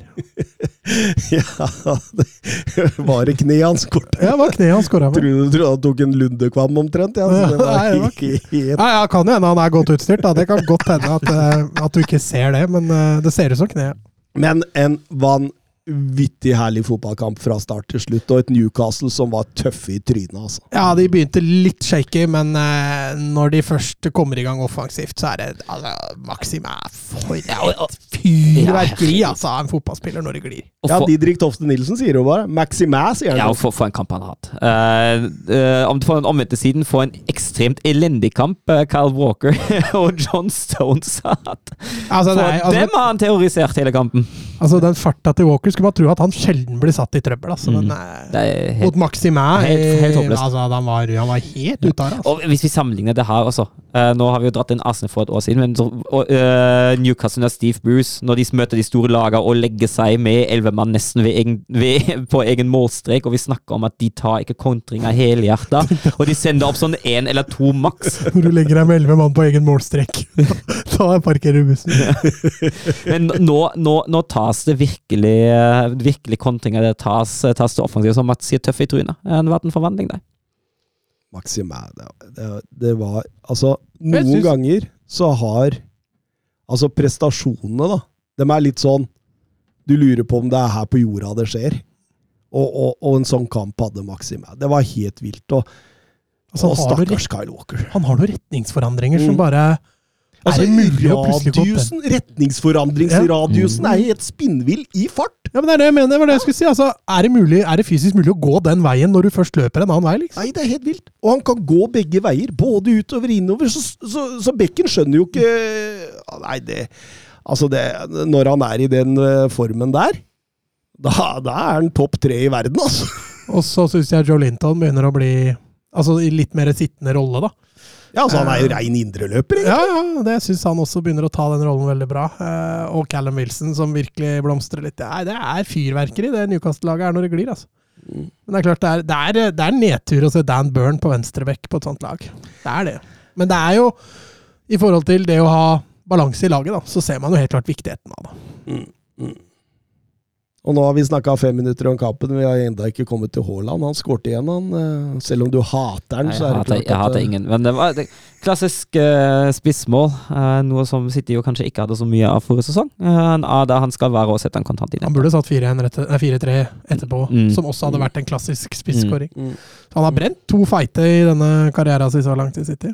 Men, si, men siden City lå under 3-1 her, da, så tenker jeg at Guardiola er helt fornøyd med, med uavgjort her. Ja. Altså, det, det, var en dritvanskelig kamp for dem, rett og slett. Den blei eh, tatt av noen illsilt ilder som bare skulle hable over dem eh, der, og ikke ha, la det lagt respekten langt borti garderoben. Altså. Men skal vi snakke om Trippier? Ja, det røde kortet han fikk, som blei eh, Er det clear and obvious Det er akkurat det feil? jeg tenker. Jeg, sy jeg syns jo ikke det. Fordi altså, Vi ender jo opp med sånn spark han ikke med knottene, og det er vel og greit, men han sparka fortsatt Kevin De Bruyne ganske kraftig i kneet. Og jeg tenker at det er ikke nødvendigvis at det blir et rødt kort, men jeg syns det kan fint forsvares, det røde kortet der. Og det er jo fryktelig det der med VAR, at man prøver alltid å finne den beste avgjørelsen istedenfor å nøye seg med en avgjørelse som faktisk også er riktig, selv om man kanskje er 60-40, eller 40-60, da. Ja, og det at han da går bort på skjermen, gjør jo at han sikkert føler at Mm. Han tar det jeg, riktigere. må, jeg Ja. må gjøre opp. Ja. Så det er kanskje feil å få han til å gå på skjerm og se på den. Ehm, Så jeg, jeg har bare latt det stå, ja. men burde Sven Båtmann spille neste kamp for å prøve å skade Dan Burn? ja, det kan godt hende. Det kan godt hende. Fy fader, for en, eh, for en klovn. Ja. Bare kliner han i huet huet på lagkompisen der. Det var stor. eh, Vi hadde en Bruno Fernandes sin kamp vi snakker om etterpå, som prøvde å skyte eh, Lisandro Martinez inn i mål. Så. Han ville ha målet sitt for i år, Fernandes. Ja, Vi kan forresten gå over til den. Det ble 3-3 City Newcastle. Det har vel stort sett alle fått med seg. Ja, vi bare nevner assisten til De Bruyne. Ole. Ja, ja, ja, ja, stemmer. Stemmer. Mm. stemmer. Det, er, eh, det, er, det, er, det er en kvalitet over den. Den luka der og finne rom og Bernardo Silva perfekt vekta. Nei, fy fader, for en pasning. De kan spille fotball, ingen tvil om det. Eh, Manchester United, Liverpool, Monday Night Football og, og, og storoppgjøret som, som nærmest ble latterliggjort på forhånd for at det skulle være et slags nedrykksoppgjør. Eh, eh, jeg, jeg så ikke for meg en sånn kamp. Nei, men det var jo altså, det er klart når begge to lagene har starta en forventning, og begge to er uten seier, eh, at fokuset rettes litt på det til sesongstarten de har hatt. Altså, det er klart at minst ett av lagene etter den kampen har, sitter i, sitter i en eh, gedigen, eller egentlig allerede en tidlig krise, altså. Mm. Mm. Kanskje to hvis det blir avgjort. Og, og det var jo tidlig klart over at Manchester United skulle ta fighten. Mm. Mm, Ja, det, jeg, syns, jeg syns de kommer ut uh, kruttsterkt, altså. Uh, Det er noe avventende over Liverpool. Ja, det er det. Uh, og det er det ikke over United, for United uh, presser fint og høyt. United har faktisk gode motsatte bevegelser. Uh, jeg var kritisk da jeg så Rashford på spissplassen i startoppstillinga, men han rettferdiggjorde det så til de grader. Eh, ta gode løp hele tida. Uh, angripe bakrom. Uh, komme til tider møtende for at andre kan støte inn baka. Jeg syns han har hatt en sterk kamp, og det kan, samme kan vi si om Bruno Fernandes. Ja, og, og Sancho Elanga òg, Ja. som på en måte var med på å skape de romma. Altså strekke Men var, ble Elanga skada siden han gikk ut i Nei, Jeg reagerte litt på den sjøl. Ja, altså. Altså, fikk jo ikke til alt han prøvde på, selvfølgelig, men han var veldig frisk. Mm, absolutt. Og, og, og det er jo en bøtte med is Sancho har når han gir dem 1-0 Ja, der. den der Milner ligger vel fortsatt i pølsebua. ja. Ja, men, men det står Van. Dijk der, ja. Han legger armene på ryggen, lener seg fram, og der står han, liksom. Det er ikke, er ikke vanskelig å finne åpninger der, altså. Nei, jo, da fikk jo Liverpool, nei, Manchester United også det momentumet de trengte ut av det. For jeg tenker at hvis de ikke hadde fått dette målet her, så, så, så, så kunne det blitt vanskelig. Men nå, nå klarte de å opprettholde momentum, i hvert fall til 30-35 minutter, så, før Liverpool begynte å liksom på en måte finne litt ut av det. Ja, litt, men finne litt ut av det, ja, det er vel og greit, men United ligger jo godt etablert i ramma, og den eneste sjansen Liverpool har, den har jo egentlig Bruno Fernandes. ja, nå han prøver å skyte Lisandro Ja. Martinez inn i målet. For, for jeg- altså, Ten Hag, altså, det var jo åpenbart at Ten Hag hadde lyst til å slå langt for å unngå presset til eh, Liverpool. Uh, og i tillegg, nå United ligger etablert, og Liverpool har ballen. Det er så ukreativt om dagen, altså. Mm. Men, men, men du ser rytmen i det offensive til Liverpool er veldig fraværende nå. Det var, du så tendenser mot Fulham, du så tendenser mot Palace. Mot United så så, så så du kanskje litt tendenser mot slutten av matchen, når United begynte å, å bli litt usikre. Mm. Men uh, dette er ikke noe styrketegn fra Liverpool. Men det er klart, det mangler jo mange, altså vi skal ikke glemme det. Men Vi, vi, vi har noen spørsmål angående etterpå, men um Rashford 2-0 tidlig i annen omgang. Også altså, de, de får jo måla på et riktig tidspunkt Ja, der det òg, gjør. De gjør jo det, og, og uh... Men igjen kontringssikringa til Liverpool. mm, Ikke helt uh, der det pleier å være, altså. Nei, absolutt ikke. Og, nei, der må man må få Martial over ende, tenker jeg. Mm. Når han får den ballen der og får begynner å vende, da er det bare å få han over ende. Mm. Lage et frispark. Det var vel Henderson som spilte litt sånn dumt bort der. Mm. Uvanlig Henderson i sånne kamper som dette. Ja, og så- syns jeg, når vi ser etter 2-0 Jeg syns jo Jeg forstår ikke helt byttet til Klopp der. Eh, Jeg syns i utgangspunktet Jeg er enig med, med studio husker hvem studio på Viaplay som sa det at Fabinho bød inn i pausen for Milner og få Henderson opp. Men når du først ligger under 2-0, da syns jeg jo egentlig Cavalio skal inn med en gang. Jeg syns jo han var frisk da han kom inn og var kanskje en av de få som faktisk klarte å skape bitte litt ubalanse sentralt hos United. Så jeg, jeg skjønner, skjønner ikke det der, altså. Men Bojan i studio, han var fin. Mm, I Viaplay-studio. mm. Viasat-studio. Ja. Han, han var i TV 2 òg, han en periode, eller gjest der. Og han er en fin type. Helt klart. Ehm, men likevel, da. Mo Salah han klarer jo alltid å, å, å sette et mål på, på eh, United. Det, det var hans tiende mot United. Det er ingen Liverpool-spillere i historien som har flere mål mot, mot Manchester United enn Mohammed Salah. Så det måtte jo skje. Men eh, heller ikke det trykket. Ten Hag gjør noen grep der. Ja, Ten Hag tar jo, tar jo ut alt som eh, Nei, eller ikke helt, da, men alt som egentlig er overgangsspiller. Uh, og sette inn tryggende spillere uh, som tar duellene tett med rom og, og kan holde det på banen. Og det var jo fornuftig. Liverpool, altså Det vi ikke noe sluttoffensiv fra Liverpool, som du sier. Sigurd Åkre på, på Twitter eh, skulle Fernandes hatt rødt kort mot Liverpool etter alle faktene i denne kampen. Eh, jeg syns den filminga er motbydelig. Uh, Men, men reglene tilsier jo gult kort på den. ja, det er greit, men uh, det han gjør etter 2-1, det er også et gult kort. Og det er hans andre. Det er så dust å se, altså. Og så står han og holder blir- på denne ballen. At ikke så- det blir tatt tak i! Ja, jeg fatter ikke. Altså, Og så- faker han altså- at han får vondt og Nei, det er Altså, Spørsmål hvis en Fulham-spiller hadde gjort noe lignende. Ja. Eller en Wolverhampton-spiller eller en Brighton-spiller. Hadde vært, eh, hadde vært like, like beskytta, eller er det litt sånn at det er Manchester United på Old Trafford som eh, redder han litt der? Det kan eh, fort være. Em, vi fikk en haug av Twitter-spørsmål etter denne kampen og omgående den kampen, så vi får bare ta det. Um, Nisselue på, han henviser til en Twitter-post fra Morten Langli, og lurer på om det er for å provosere, eller om han viser skremmende manglende kunnskap om saken. Og jeg kan jo lese hva Langli skrev i sin helhet. Han skriver Glazer får mye kjeft nå.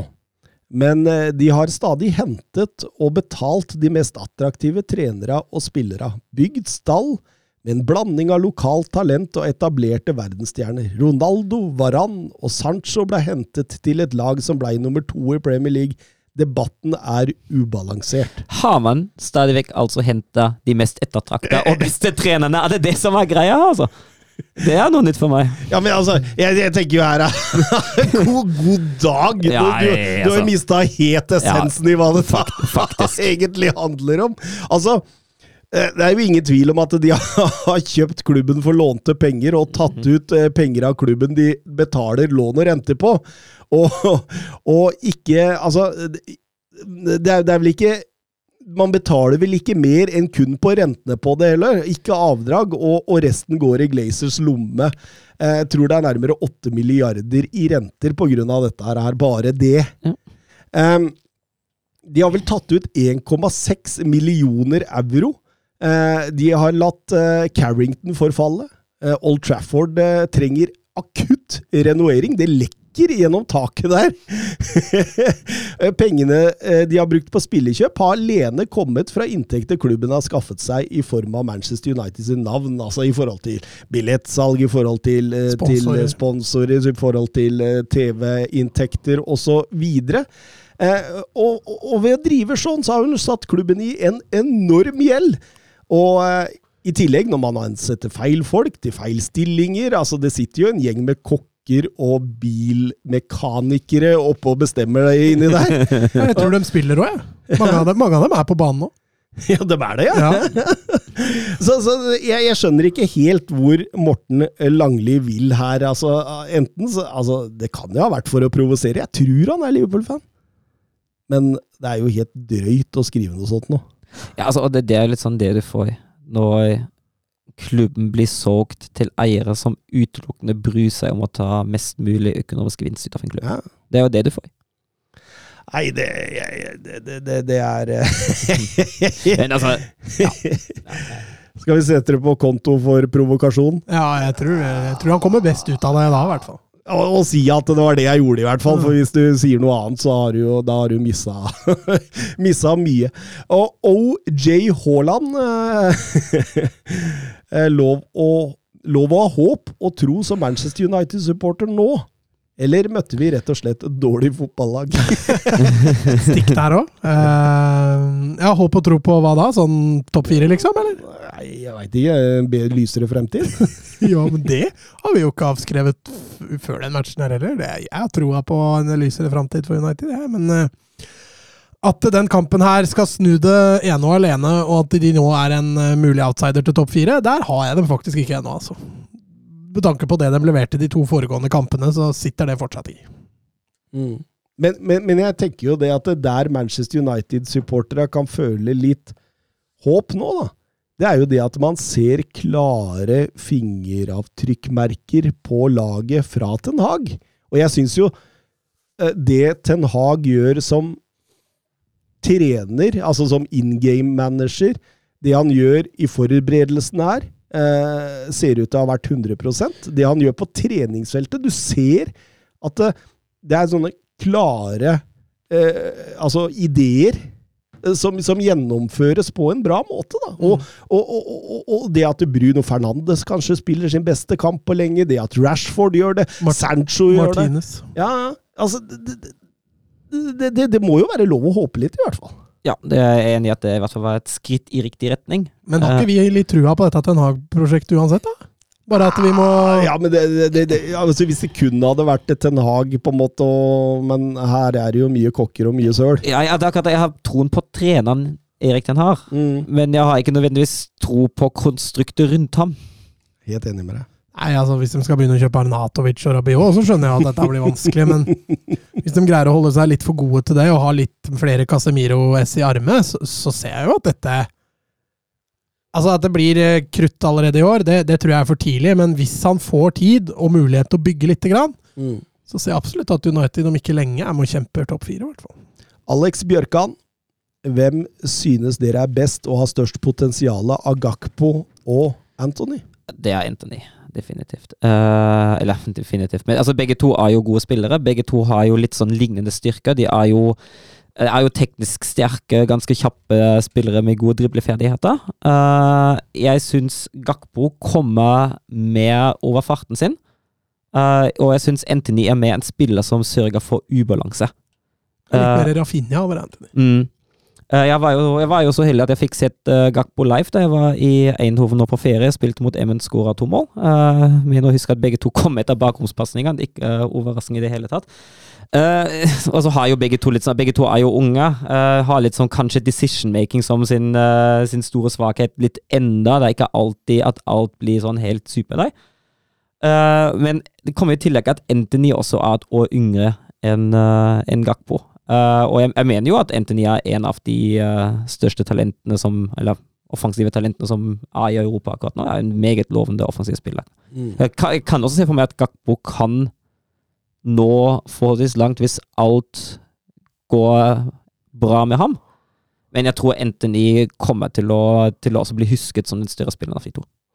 Jeg, jeg føler at uh, sånn jeg kjenner de to spillere, at Anthony er litt mer Premier League-klar. Ja, men, men her er også spørsmålet Jeg skjønner at det er rykte av United-spillere, liksom. Mm. Men um, Anthony oh, Nå glemte jeg et poeng jeg skulle fram til. dere snakker så lenge av gangen. Jeg kan ikke avbryte dere. Jeg kom jo i snakk med en eh, PSV-supporter på, på, den kampen der, og snakket litt med ham om hva han trodde om sesongen og alt det der. Og han sa jo at et av de en av de tingene han mener er aller viktigst, er at eh, Gakpo blir den sesongen her. Hvis man mm. skal ha som skal ha noe å si i uh, gullstriden og Champions League og gudene vet. Det kom jeg på hva jeg skulle fram til. Ja. Pris. Pris, ja. ja. Det er litt dyrere for Anthony, tenker jeg. Det var det jeg skulle fram til. At uh, det kommer jo litt an på pris òg. For Tønna på Twitter han skriver eh, Anthony får nesten en milliard. Er ikke det i overkant, eller? Ja, det er jo i overkant, men samtidig er det en spiller som er 22 år gammel, som har, vist, som har vært til en enorm verdi for Ajax, og som har kontrakt fram til 30. juni 2025. I tillegg, og er brasiliansk landslagsspiller. Og i tillegg jaktes han av en Premier League-klubb. Uh, og Ajax veit veldig godt hvor pengene ligger. Ja, du har jo de der parametra, altså de, de, de vante parametra. Er man nødt til å selge? Vil man selge? Hvem selger man til? Er kjøperen desperat? Og og, og, alle de parametera der skriker jo høyere pris. Mm. Så, så, så, at Anthony kommer til å bli dyr for Manchester United, det er ingen tvil om. Men, men, men det, det, skrikes jo etter en høyrekant på Old Trafford også. Så, så ja, det kan godt hende de eh, kan tjene på cash in der. Eh, Jørgen Nystuen, eh, Casimiro til United. Tanker rundt det? Jeg tenker det er en uh, kruttsterk signering, jeg. Uh, så at det var noe som kritiserte den for alderen. Uh, men uh, altså Jo, han er jo, det, er, ikke noe Det, det, det, er ikke nødvendigvis en spiller som, uh, som, blir bedre og bedre for hvert år som går, og så er på topp om åtte år. Men det er jo Altså, hvis, hvis man Hvis vi hadde Hvis, hadde for, altså hvis vi hadde snakket om løsninger Altså, jeg tenker Vi nevnte jo ikke Casemiro mulige løsninger, men det er bare for det er så fjernt. Det er ingen som skulle trodd at Casemiro skulle være fristet til å gå til Manchester United, og jeg tenker at hvis du ser på defensive midtbanespillere, spillere som skal balansere, så er Casemiro blant de fem beste i verden som du kan få. Og det er en enorm signering, altså. Ja, sånn rent sportslig så er det jo en klassesignering. Eh, Vi har jo snakka om at de trenger dette i, i 163 episoder. Eh, så, så dette her er utvilsom suksess, men altså det som trekker det litt ned, da, det er at de har jo betalt fryktelig mye penger da, for en spiller som egentlig har passert middagshøyden sånn aldersmessig, i hvert fall. Ja, jeg, jeg er litt mer skeptisk enn dere, men det, men det, det, det kommer an på Casemiro sjøl. Og, og, Casemiros motivasjon er for meg en nøkkel her. Fordi jeg blir alltid litt naturlig skeptisk med overganger verdt så mye penger i både overgangssum og lønn til spillere som har runda 30 og på mange måter har runda europeisk fotball, sånn som han har gjort. da. Altså, Er motivasjonen hans riktig her, så, så, så blir dette kanon, og han tetter et gediget tull som, som Manchester United virkelig kommer til å dra god nytte av. Og, og, og hvis motivasjonen hans er mer dit enn at ja, ok, jeg kom dit for å skrive min aller siste lange kontrakt i toppfotballen, så, så er jeg mer skeptisk til hva det kan bli. Så jeg, jeg, jeg Lite forbehold, men, men eh, jeg er jo så enig med dere at eh, Casimiro på sitt beste er jo topp fem i verden han på, i denne posisjonen. Um, Oskar Carveio Holm, hva skjer med Liverpool? da? Også masse gråte-emojier. Ja, det er trått å være Liverpool-supporter og, og Liverpool-spiller og Liverpool-trener, for nå, nå er det lite som stemmer der, altså. Ja, jeg, jeg nevnte jo, jeg chattet jo litt før innspillinga, sa vel at Liverpool har vel sitter vel omtrent med den poengfangsten de fortjener etter de tre kampene i år òg. Mm. Jeg syns ikke det har sett bra ut verken mot Fulham, Pelles eller United. Ja, og vi kan jo selvfølgelig skylde litt på skader og, og sånne ting også, men uh, til syvende og sist så er det noe som ikke stemmer. Uh, det er litt eh, Det er litt trått. Altså, timing stemmer ikke, aggressiviteten er ikke der, flyten offensivt er borte, Salah har ikke kommet i gang. Rock'n'roll-fotball! Ja, Mm. den, og, og nå ser man jo altså Vi har jo skrytt litt av Klopp at han kan være blitt litt mer fleksibel med åra, at han, han kan justere litt, men enn så lenge så tror jeg han må justere ganske mye for å få dette opp og gå igjen. altså. Mm. Hvis ikke, altså kan selvfølgelig vente på spillere tilbake, men eh, ja, du nevnte det vel i chatten, at de slo jo det ene og det andre laget med reservelag og juniorlag og det som er, så, så det har jo egentlig ikke å si noe særlig med, med kvaliteten på de som er til rådighet nå, i hvert fall. Nei, absolutt ikke. Altså, de slo AC Milan borte i en, i en Champions League-kamp med, med reservelaget sitt, og de gjorde det med en sånn trøkk, og, og, og de sto etter, og den der på en måte Liverpool-energien. da. Og, og den ser jeg ikke lenger. Nei, den, den er borte for tida, altså. Ja, det, det, det, det, akkurat det er litt skummelt, syns jeg. Mm. Fordi Identiteten. Ja, ja, ja. Fordi eh, hvis du tar den ut av den måten Liverpool spiller på, Mm. da kan det bli tøft framover. Så, så, så vi må jo finne tilbake til, til den intensiteten da, som de har i spillet sitt, både eh, med og uten ball. Mm. For du Og- husker jo den dårlige perioden de hadde hvor de tapte seks hjemmekamper på rad, eller noe sånt. Og da handla det også mye om flyt. Mm. Fordi de bomma på mye store sjanser. De skapte jo, de var fortsatt der. De hadde bare et forsvar som lakk. Mm. Eh, de hadde jo ikke forsvarsspillere. Nei, de hadde jo ikke det, da. Eh, nå har de jo den bautaen bak der, og, og de slipper inn ikke mye mål, men de slipper alltid inn. Mm. Samtidig som den entusiasmen offensivt er eh, mer fraværende. Og det, det er klart, hvis Liverpool må skåre tre mål framover med den intensiteten for å vinne fotballkamper, så kan dette bli veldig trått. Altså. Ja, det er jeg for så vidt helt enig i. Supersub Sivert, eh, Klopp på vei til å repetere tiden i Dortmund. Tenker på den siste sesongen der. Ja, den var jo ikke noe bra. Da var man jo på 18.-plass med men Så vidt holdt! Så etter, vidt holdt! etter, 18, etter 18 runder, etter litt over halvspillet, var man på 18.-plass. Altså, de kom vel seg vel opp på syvende til slutt. Det var vel en litt sterk sluttspurt, men da fant vel både Klopp og Borussia Dortmund ut at etter den sesongen eh, så går vi hver vår vei, og det hele endte jo med tap i cupfinalen mot Wolfsburg i den sesongen. der. Men i Bundesliga er det bare 18 lag. Ja, Ja. riktig. Vi var på sisteplass. Mm. Etter 18, etter 18 runder var vi på sisteplass. Jeg husker, jeg husker at det som også var litt greia Altså, de mista Jeg tror det var vel den sesongen de mista Lewandowski òg. Uh, klarte ikke helt å erstatte det. Og så hadde de jo noen kamper som uh, selvfølgelig gikk dem litt imot. Uh, at eh, den der eh, matchflaksen, de 5-10% de var ikke helt der. Men det var litt tråtte greier, og jeg å huske, i hvert fall. Nå var det en stund siden, men eh, ja. Hvis Liverpool ligger på 19.-plass, nei 20.-plass etter 19 kamper, Det, det kommer ikke til å skje. da skal jeg Sykle til Sandnes? Oi! Nei, jeg dropper, jeg dropper det. Jeg vil kjøre, jeg vil kjøre følgebil. Ja, jeg vil også at du kjører følgebil, det er helt riktig. Men eh, nei, altså, jeg, jeg, kan- jeg, tror ikke, jeg tror ikke at de gjentar seg. Altså. Jeg gjør jo det. Ja, eh, de gjør det. Eh, finner flyten tilbake, og så er det spørsmål om når de gjør det. Det er det det går på. Ja, og, og hvor, hvor stabilt og høyt toppnivå blir. Og så ser du jo da, Firmino han flyr rundt som en hodeløs Ja, høns nå. Han er ferdig, altså. men, men altså Darwin Nunes, at han fikk den karantena, det kan koste dem mer enn de egentlig ja, men liker sn snakk, om, snakk om hodeløs og Núñez mot PVS, da. Jo da, jo da, for så, for så vidt. Men eh, hjelper ikke å sette på en ny hodeløs inn på banen. eh, resten av runden, eh, vi fikk et spørsmål der også. Vebjørn Fredheim, hit, men ikke lenger for Moyes. Alle vet jo at Moyes aldri kunne ta Westham inn i topp seks uansett. Like greit å gjøre grep nå, spør han etter at Westham tapte 2-0 hjemme mot Brighton. Ja, vi var jo litt inne på det før sesongen, at uh, mulig han nå har nådd uh, toppen. Uh, at han ikke kan ta dette videre. Eh, jeg syns det er litt tidlig å konkludere etter tre kamper, men det er klart null poeng på de tre første for Westham. Det lover ikke bra. Ja, og så er det jo noe med at altså det er, jo, det er jo noe som man kanskje ikke gjør, etter at noen har prestert ganske ålreit med en klubb, men det handler litt om å Som man er inne på i spørsmålet, at det er øh, Det er litt med den utviklinga da. Tror man at, uh, at den som sitter i en posisjon nå, kan ta laget videre, kan utvikle det mer? Og hvis ikke, er det jo kanskje bare best å si at uh, tusen takk for tida, nå prøver vi noe nytt. Og det er jo helst mens det ikke er sesong. Hvis man kommer til Ja, jeg tenker tenker nå er det for seint. Ja. Uh, skal du sparke Moyes etter fire kamper? Det, er- det, er- det er også dårlig management. Så nå må de jo bare prøve å snu litt på flisa, og så får de ta en ny vurdering. eh. Ja, klart, fortsetter formen å være 20.-plass etter 19 kamper, så er det klart, da bør det vel skje noe. Men uh, kanskje ta en ny revurdering når sesongen er ferdig. Vi går over til La Liga.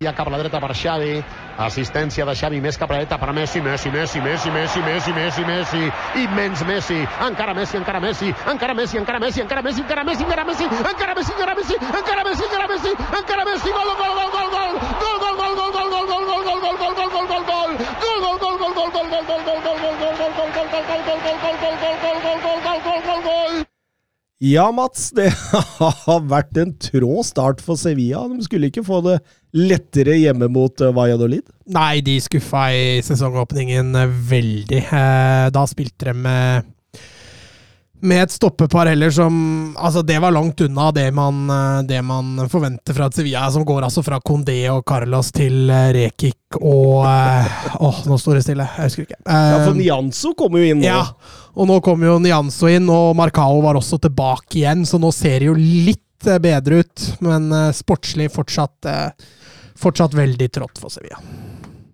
Men offensivt er jo det faktisk en av de bedre kampene jeg har sett av dem på lenge. At de ikke på en måte Altså, de kan fort skåre tre og fire mål her, og jeg syns Erik Lamela i den der tierrollen hvor han Mm. vandrer litt, var, jo- altså, var jo banens beste. Ja, og det er ikke så ofte man heller ser eh, Sevilla kontrollere ballen såpass mye. Eller det er klart hjemme mot Valladolid, så hadde de nok gjort det uansett. Men et Sevilla-lag ideelt vil jo gjerne kanskje ligge litt mer bak og, og ta rommene når de vinner ball, mens mens her sånn, så, så ser man kanskje en liten, uh, liten identitetsendring med at de, de ønsker å kontrollere ballen litt mer. Uh, og så hadde de nok gjort det uansett mot, mot Valladolid, men uh, det er som du sier, de kommer til en del gode muligheter. Gjerne litt forært av Valladolid-forsvaret, med håpløse frispillinger og, og godt satt høyt press av Sevilla. Rafa Mir har vel en gigantsjanse der, og som du sier, Lamela som opererer, opererer bra i mellomrommet. Ser, eh, ser bra ut nå. Jeg må også si at Sevilla sleit i frispillinga. Altså. Den der klareringa til Papu Gomez der som bare glir rett gjennom. Det var forferdelig å se på.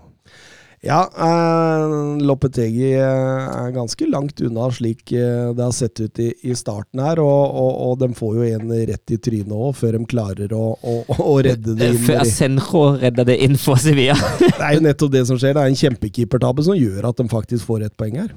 Ja, altså, det er det jo. Det er jo ingen tvil om det. Han, eh, han gir, jo bort et, eh, gir bort et mål her, men kan jo ta med Anwar Tuami sin scoring, for den er fin. Eh, måten Først var jo Dolid vinner ballen høyt, og så drar han jo av tre mann der, og under hardt press legger han fint i hjørnet. Så det er, det er en klasseskåring av, eh, av Tuami der. Eh, og så den gigantabba til Asenjo, da. Altså.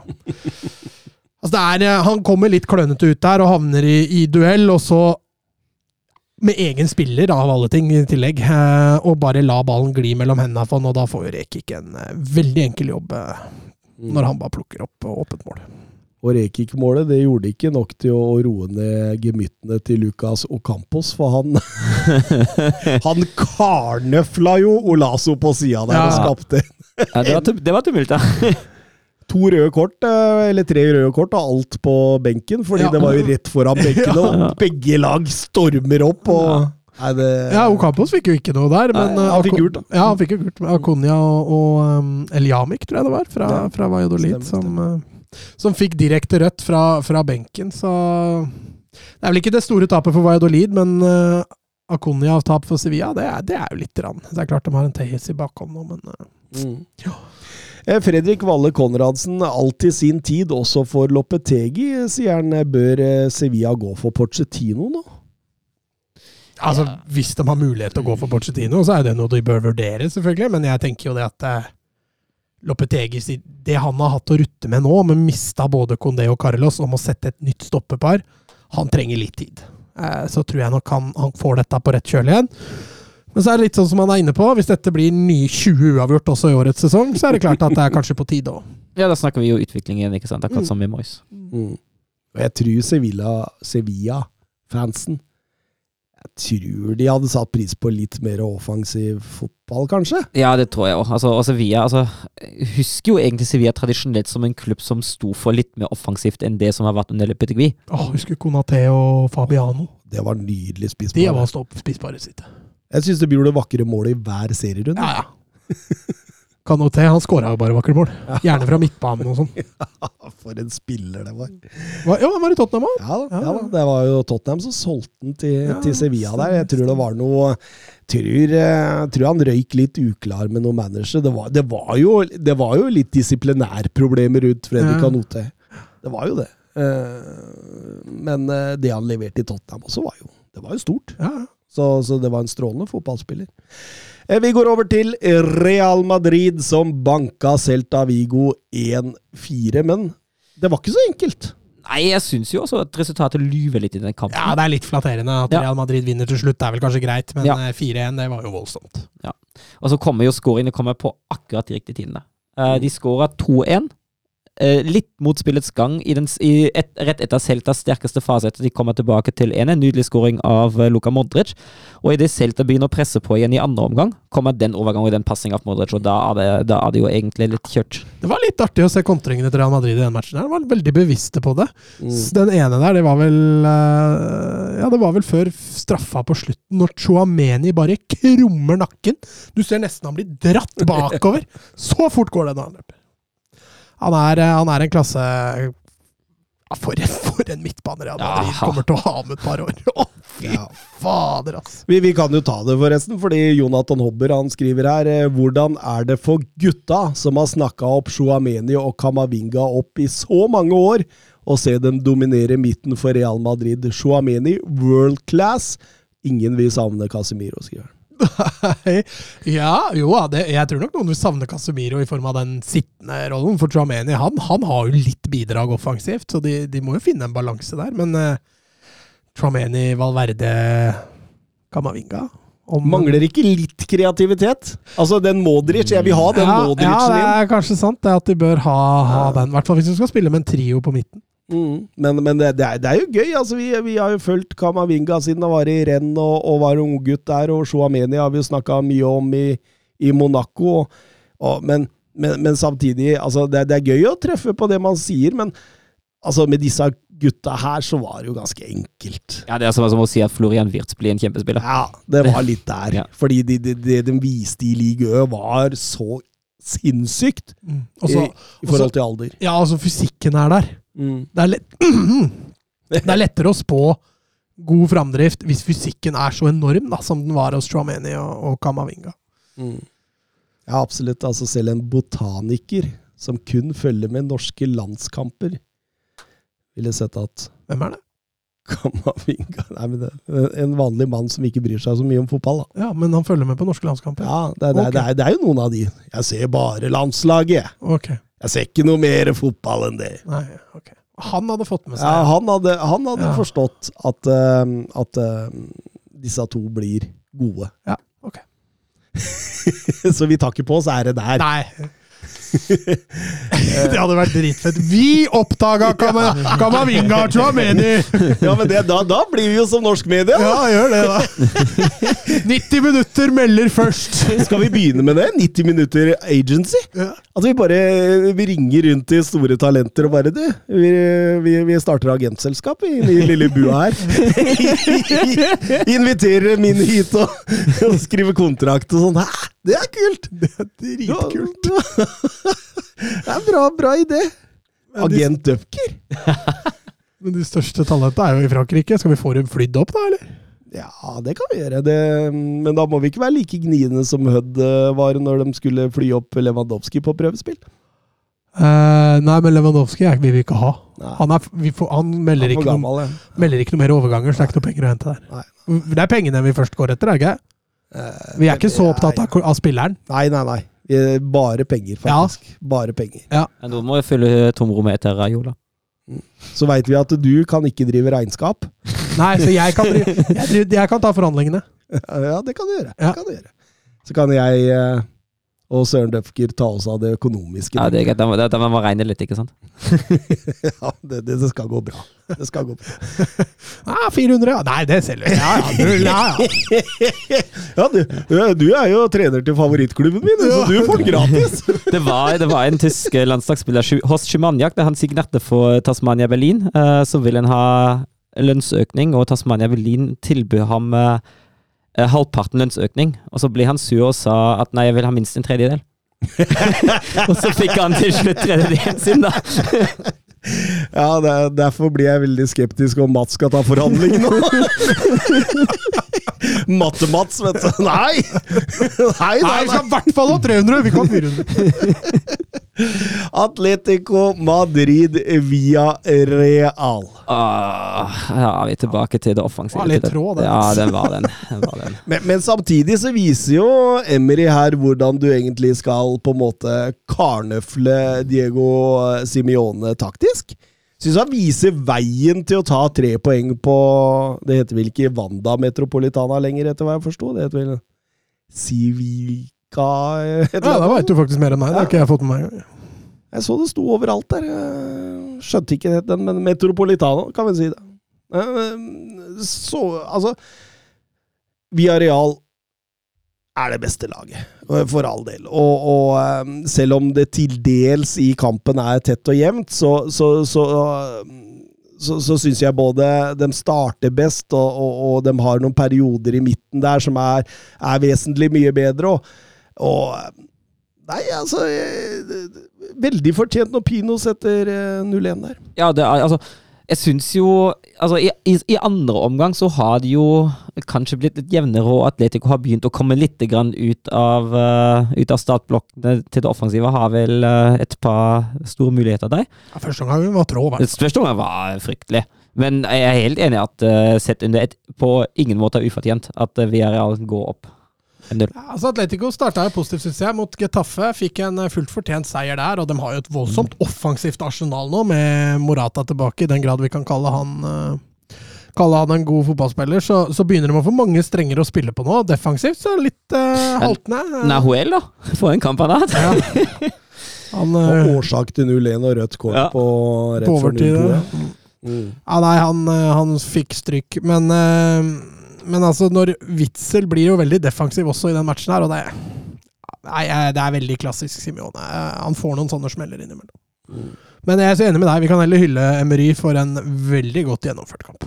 Ja, absolutt. Og når Moreno eh, kontrer inn eh, 0-2 der, Ja, det er fire mot to, da. Mm. Herregud, det er større prestasjon å bomme enn å score på de der.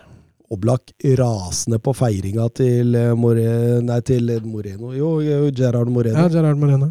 Eh, så har de ikke fått med seg at uh, er sånn feirer han det jo er hver gang. standard. Ja.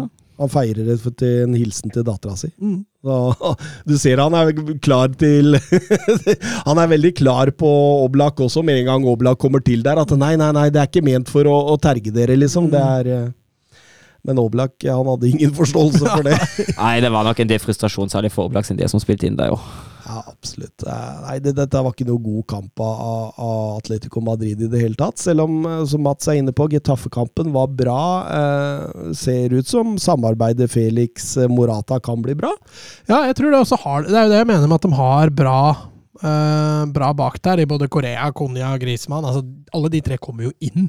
Mm. Så bredden de nå har offensivt, den er ganske bra. altså. Mm. Real Sociedad mot eh, Barcelona. Det, det tok ikke lang tid før Lewandowski hadde en ball i mål. Ja, Bursdagen sin òg. Ja, stemmer det. stemmer det. Så 90 minutter, gratulerer. 90 minutter, gratulerer Lewandowski. da tror jeg han blir glad. Kanskje vi får kanskje vi får den som, som eh, ikke kunde, hva heter det? Gymlærer. Gjest. Nei, Nei. vi er jo agentselskap. Vi Ja, men han, du vil jo ikke ha han! klient, ja. Det har du allerede sagt. Jo, jo, at men du jeg har gjort om det nå. Det som han vet du. Ja, vi har ikke noe aldersgrense. For et agentselskap. Nei, vi vil ha det! Nei, vi vil ikke ha det. Nei, vi vil ha det. Um, men um, Lewandowski, ja. Em, må tilbake til 2009, sist Barcelona skårte et tidligere mål i La Liga. Det var Andres Iniesta mot Recreativo i 2009. Og Lewandowski har aldri i sin karriere skåret mål i det første minutt. Spesielt med tanke på hvor mange mål han faktisk har skåra. Ja, 313. Ja. Så det, det er ganske heftig. Han måtte til Barca for å få til det. altså. Har vel dobbelt og tredobbelt dekk absolutt alle andre minutter. Men Isak setter 1-1 der, eh, kanskje med litt tur, kan du si. Både, både ved fremspill og ved avslutning. Men Men, når du ser den i live, så ser det ut som en vanvittig klasseskåring. ja, så er det Garcia som Ja, ja. takler den inn. Men, men, men, det er jo en utrolig morsom start på kampen. Underholdende, høyt tempo. Ja. Bølger veldig fram og tilbake. Eh, Barca åpner seg litt, og de, jeg tror de følte litt press på i forhold til den serieåpninga de hadde mot Rayo, som var, var fryktelig trå. Eh, samtidig med en ny uke med trening og, og nye relasjoner, så så, så det mer, eh, mer bra ut offensivt for Barca, men de var sårbare defensivt, og spesielt for kontringer. altså. Mm.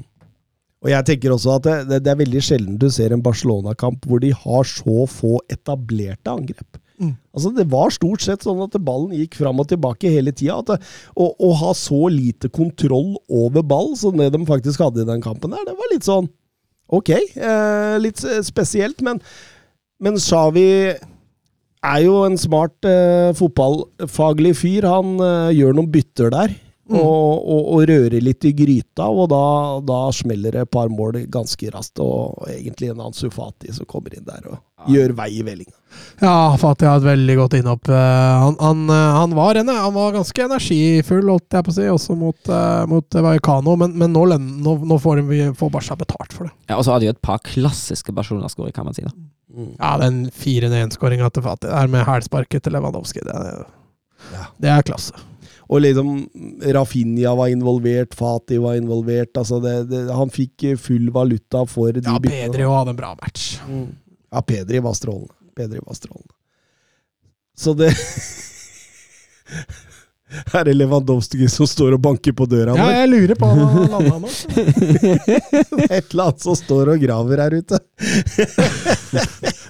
Ryktet går at vi har blitt agentselskap, så da kommer de, bort. Men, men eh, alt i alt, som Barcelona-supporter, du er fornøyd med det du fikk se? Etter hvert så blei jeg det. Eh, litt skuffa i starten og tenkte her har vi litt fryktelig dårlig kontroll på hva som skjer. Eh, Ter Stegen har et par klasseredninger som holder oss godt inni det, men utover andre gang så Jeg klaga litt på Chavi og, og måten han gjør bytter og legger om på mot Vallecano. I dag syns jeg han løser det bra. Mm, mm.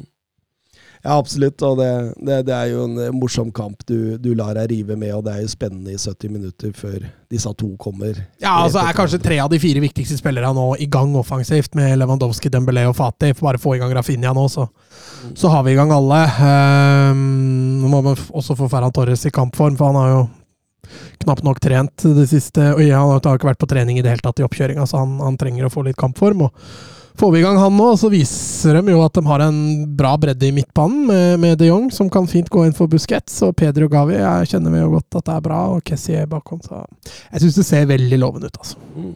Bare kvitte oss med noen spillere, nå som vi ikke går, kon går konkurs. Fredrik Valle Konradsen på Twitter har Savi eh, hevet seg på Trebecks-trenden.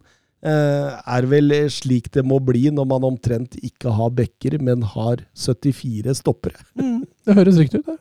Nei, altså, den spiller jo veldig skeivt, da. Det, det skal jo sies. Altså, Rojo er begrensa offensivt, så han, han har mer defensivt ansvar. Og Balde, da, som syns var frisk. eh, Bra, bra, bra kamp fra start. Eh, offensivt, i hvert fall. få mer frie tøyler offensivt, eh, og det sånn er naturlig. Og Man sleit litt i starten, men kommer litt bedre inn i det etter hvert. Og jeg, tror Arojo på den høyre bekken kommer til å bli ganske vanlig for Barca, så lenge man ikke får inn den høyrebekken som man vil. Mm. Dest har åpenbart eh, blitt avskilt av Xavi, og, og Roberto virker å være egentlig andrevalget på høyrebekken. Ja. Spennende, spennende. Eh, Anders Hansen har også et eh, spørsmål på Twitter her angående Barcelona. og for å, for å si det selv, eh, det er et fantastisk spørsmål. Et av de bedre i podkastens historie. Oi! Hvem er rikest om 15 år? Er det Spotify og Amazon Prime Barcelona sponsa by Carrefour? Eller er det Martin Braithwaite? Ja, det er, Martin Braithwaite. det er Martin Det var, Braithwaite, var veldig lett å svare på, faktisk. Så det var et kult spørsmål. Lett å svare på. ja, ja, herlig. Ja, for han eier vel en del sånne eiendom og sånt, han? da? Ja, han er, han er han er jo, rik. jeg mener å huske å ha lest at han er en av de aller rikeste fotballspillere. Ja. Men det er klart han har ikke tjent det på fotball. Men eh, Ja, men det betyr jo at i motsetning til Barcelona kan jo Fun forvalte penger. ja, det skjønner man jo, for han nekter jo, å- han nekter jo å dra fra Barcelona med mindre man får terminert kontrakta og får betalt. Som han er selvfølgelig sin fulle rett til, så jeg, jeg anklager ikke han for jeg. Ja, han er jo, begge parter har jo signert på den kontrakten. Ja, Altså. Altså, her, altså, jeg skjønner jo at Barca syns det er kjipt at uh, forgjengerne tok dette fra dem, men eh, at Martin Braithwaite tviholder på dette, har jeg ingen problem med å forstå. Nei, det er fantastisk. Det er rett og slett fantastisk. Han, han, han sitter der til kontrakta går ut. Ja, ja, Og bare nyter stranda og koser seg. Han finner vel en golfbane etter hvert, han òg. Noe mer du vil ta med fra runden i La Liga, Mats? Altså, det var, eh, det var en, eh, var en fin runde. Betis har jo fått en strålende start. Eh, Veldig gøy. Og samme kan sies om Osasona, som, som slo jo Sevilla i, runde én, så det er bra. Og så kom jo da kom jo uh, Gattusso i gang for Valencia den, eh, den helga her. Ja, du tenker på med å tape, liksom? Ja, det var det jeg mente, ja. Han er nå i gang, liksom. ja, det, det var eh, Det var Gattuso-tap, det, men det, men, det er mange som kommer til å gi fra seg poeng eh, i Baskeland. Ja, ja, ja, ja, for all del. Men han måtte jo begynne snart. Og Getafe ser veldig altså Jeg husker vi drev og diskuterte rundt tabelltipset. Jeg hadde dem med på 14, og du ønska dem opp, og opp, Ja, opp. fordi de, og, de overrasker alltid, var liksom mitt argument. Mm. Men i fjor var de jo dårlig. Mm. Så de har skuffa litt. eh, Så får vi se. De må vel sparke en og få inn en ny trener før dette løsner. Det er som regel kutyme, det. Kike Sanchez Flores, han, han, han er jo ti dager i hver klubb, så Han er egentlig på lånt tid allerede nå. skal vi ta Bundesliga. Er macht ein richtig gutes Spiel. Jan Schimonek. Die Wolfsburger lassen so gut wie nichts zu. Grafit. Grafit gegen Lell. Jetzt wird's eine Demütigung. Guckt euch das an. Bist du verrückt? Bist du verrückt? Tor des Jahres. Die Bayern der Lächerlichkeit preisgegeben. Ja, Søren vi, kan, vi, vi, vi, vi begynner ikke med Wolfsburg. Takk. Ja, vi, vi, vi tar Dortmund Werder Bremen først. Ja, eh, og da var Altså, Dortmund var jo soloklar favoritt. Har jo fått eh, to seire i start. Eh, har jo riktignok fått litt overbetalt.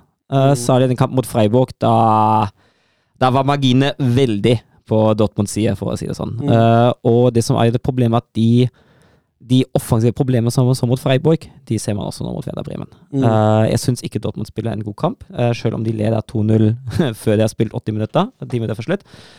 Men Dortmund er egentlig fryktelig svake. De ender vel opp på en XG på 0,63 og skårer to langskuddmål eh, med det. I hvert fall ett av dem uh, bør Pavlenka tatt. Eh, og så ser vi egentlig Bremen som kommer kom, kommer jo i en grunnformasjon med 5-3-T, men spiller dette veldig, veldig variabelt. Uh, I presset legger de seg jo ganske høyt. Stenger av begge stoppene, pluss i starten Dahoud, og så etterpå Chan. Eh, Dortmund sliter i frispillinga si, begynner å slå mer og mer langt. Ser ut som at eh, planen offensivt er å vende ut mot Beino Gittens og få ham til å utfordre én mot én, men Beino Gittens har på ingen måte dagen, og da går det ikke. Eh, Bremen gjennomfører solid, og senest nå da Hot må ut etter et kvarter uh, for, på grunn av skulder som var utavlett, og Chan kommer inn, så rakner det ganske kraftig. Bremen tar mer med over. Bremen tar kontringene sine konsekvent, vinner en del baller høyt uh, og skaper sjanser. Men, men, men, men det, det kommer jo til resultatet. altså, jeg, jeg ser en sånn litt sånn forandring i Dortmund-laget nå. Fordi altså Jeg, jeg, jeg syns at eh, Dortmund var veldig forsiktige. Og jeg, jeg syns det, det klare beviset på at Dortmund under Thatcher skal prøve å være litt mer solide, altså litt mer kyniske, altså e- etter Klopp og Tuchel. Eh, flere managere som har prøvd å, beho- å på en måte kopiere denne Dortmund-fotballen, eller rock'n'roll-fotballen som eh, Klopp liker å kalle det. Det ønsker jo Dortmund-styret at skal fortsette òg. Mm. Ja, men, men, men misforstå meg rett her, men altså det, de, de er jo tidvis gode offensivt, men, men Ikke i den kampen, nei. Nei, men, jeg- men jeg føler at det, at det, det, liksom måte, at det har gått på bekostning av det Ja. defensive, og at Terzic prøver på en måte å finne en Men- balanse her som de ikke har. Det har de ikke, uh, og da er det flere ting som irriterer meg. Eller, det er vel og bra, for altså, det er jo et poeng som man sikkert må jobbe med, for den defensive balansen har vært fraværende, det er jeg jo enig i, men da er det flere ting som ikke fungerer. Og Det ene er jo det offensive, det går veldig på bekostning av det offensive. Hvis du ser på presspillet til Dortmund i den kampen her, er det Modest som henger i lufta, som alltid står én mot to, som likevel går i første presslett, får ikke noe hjelp, trekker ikke noe lavere tilbake. Og det, det skjønner jeg ikke. Det forstår jeg ikke på. Enten må du trekke lavere tilbake og generelt senke presshøyden, eller så må du få opp Royce eller en annen spiller som hjelper ham i presset. For altså, hva skal han gjøre? Han vinner jo ingen baller der oppe, så klart ikke. Han henger jo midt i lufta. Tar du ut én spiller allerede? Han henger midt i lufta. Ja, men han henger altså, han, han gjør jo det. Han, henger, altså, han, han, gjør, han har jo ingen funksjon der oppe. Og så hjelper de, og så, det, og så er, det, er det vel og greit at man prøver å fokusere litt på det defensive, men Dortmund har jo null defensiv spillibilitet i den kampen. Det er jo helt katastrofe. Det er jo rom bak, vingbek, bak bekkene som er altfor store. I tillegg klarer de aldri å få kontroll på mellomrommet når, ble, når Bremen bryter seg inn i deg. Og, og det blir bare enda verre når Niklas Syle kommer inn. Ja, det er, det er helt katastrofe. Helt natta. Altså, det er bare å glemme. altså, hva han har gjort i sommer, det, det, det, det altså, men, men han har vært på samme restauranten som Hazar var når han kom til Altså, fordi For på samme restauranten. Han løp vaggete! Ja. Altså, Det er ganske sjukt å se en fotballspiller på dette nivået. Altså. Det var så vidt han orka! Han løp vaggete. Ja. Ja, ja, det, det, var, det var helt merkelig å se på. Og, og, returløpene hans og alt mulig sånn. Det, var jo Altså, selvfølgelig! Så, altså, så klarer jo Werder Bremen å komme tilbake her. Ja, selvfølgelig. Og det er jo fullt fortjent at Bremen stikker av med seieren. Det er jo altså, det er første gang det skjer i Bundesligas historie at et lag Ja, men det er ikke selvfølgelig. Nei. Det skal ikke skje. Nei, nei, det skal ikke skje, nei. men, men det, det var litt skrevet Ja. i stjernene når, ja. når, når man så Syl og. Men det er, men det er, det er altså at Bremen får jo som fortjent, og Doppen får jo også som fortjent. Uh, og så kan vi fint snakke om alt de individuelle feilene som skjer før hvert og ett mål. Vi, Da hadde vi brukt en time. min, min favoritt er jo kanskje Emre Can som snur ryggen til i, i duellet med, med Schmidt på 2-2. Men i, til syvende og sist henger ikke laget på greip. Eh, og de to seirene som laget fikk mot Leverkusen, ok greit, den var forholdsvis bunnsolid, men da kunne fint Leverkusen også stukket av med i hvert fall ett poeng. Freiburg får de i hvert fall overbetalt. Uh, og jeg syns det Jeg syns det misfarger litt av sesongstarten, for jeg syns ikke de har overbevist noe voldsomt på banen, altså. Litt sånn som Tottenham. altså. Nei, Jeg syns Tottenham har vært sterkere enn Dortmund. Han var- størte ikke å si noe på sida der nå. Han ville ikke begynne på den igjen. For, men, fordi, altså, det er jo Der er det i hvert fall vanskelig å sammenligne, hvis du skal begynne å gå på andre, andre ligaer i tillegg. Nei, altså, jeg er ikke imponert over den starten Dortmund har hatt i det hele tatt. Selv om de står med seks poeng etter tre kamp. Men gøy at uh, Ole Werner viser litt uh, taktiske kunnskaper her, da. Ja, og han er jo en, han er jo en trener som eh, jeg har hatt lyst til å se i Bundesliga siden han trente Holstein Kiel. Jeg har jo lekt litt med tanken om at han kanskje kunne være rett mann, eh, eller kunne vært en trener som kunne prøvd, gjerne prøvd seg i Wolfsburg òg. Uh, særlig hvis man ser hva som har vært der de, etter Oliver Glasner. Um, og han, han, er en absolutt habil fotballtrener. Jeg har vært inne på det da vi diskuterte tabelltipset, uh, da jeg kjempet Bremen over streken. Jeg sa jo at det er to grunner for meg. Det ene er at det sitter en enhet av et lag som er spilt inn, et lag som kjenner hverandre godt, som er forsterka på noen posisjoner det har vært nødvendig, uh, og det er Ole Werner. For jeg anser Ole Werner til å være en, en ganske dyktig fotballtrener, og jeg ja, jeg tror, de, jeg tror, han klarer til å få dem til trykkplass altså. Hvor er det vi hadde dem? Vi hadde over streken. Ja, 15, jeg tror. Mm. Det var ikke alt Sørensen fikk vilja si på. når vi hadde Nei, Nei, men, men det bør du være glad for når han ser Leverkosen. Ja, det, det er helt katastrofe. at, vi, at vi tok et eget valg der, det Nei, den, eh, den bommer jeg kraftig på. Den, den, eh, den, er ingenting om dagen. Altså. Det var ikke store forskjellen vi gjorde med Leverkosen, var det? Vi tok den én plass lenger. Ja. Og det, det, er jo, altså Leverkosen hadde jo hatt en fryktelig skuffende sesong. Men det kan snu. Det er tidlig i sesongen, vi må huske på det. Ja. Eh, Wolfsburg. Oh, ja, fryktelig skuffende sesongstart. Åh, oh, jeg er så lei. Åh, oh, jeg er så lei. Uh, er du lei Kovac allerede? Jeg føler vi har hatt denne diskusjonen før. Eller? Ja. det er déjà vu. Ja, nå har man møtt altså Bremen hjemme, der man har med, med neppe karret seg til ett poeng. Man har spilt bort mot Bayern, der man har hatt har hatt noen gode faser, men endte opp med et fullt fortjent 2-0-tap. Altså, det kunne vært verre. Man kunne ha fått både 6 og 7, som vi har sett på andre lag, så 2-0 da er jo ikke det verste, men det er null poeng. Vel så mye som et 0-6 eller 0-7-tap er null poeng. Og så er det Schalke. Det Schalke lager deg, når det kommer til Volkswagen Arena, når Wolfsburg spiller og har de ambisjoner som man har, det skal slås 99 av 100 ganger. og det er ikke fordi det har vært flaks eller noe sånt at Schalke har tatt poeng med seg, det har vært fordi Wolfsburg har vært altfor elendig. Det har vært en katastrofal og meget frustrerende kamp. Litt uh, heldig òg, at, man at man holder nullen i den. Ja, jeg kommer til det. Altså, jeg syns første omgang er, er en skandale. Uh, Kovac liker jo å bygge, bygge skeivt opp her nå. Han bruker veldig mye venstresida uh, med Otavio og Mamouche. Mamouche, hadde, Mamouche var ca. på nivå med Bein og Gittens. Uh, prøvde å utfordre, lyktes med ingenting. Bør ha blitt bytta ut til pause, få lov å få 15 minutter til i andre omgang. Jeg skjønner ikke det. Hele lagoppstillingen, det er greit. Gilavogi han har vært god da han kom inn mot Bremen. Han har vært grei i München og alt det der.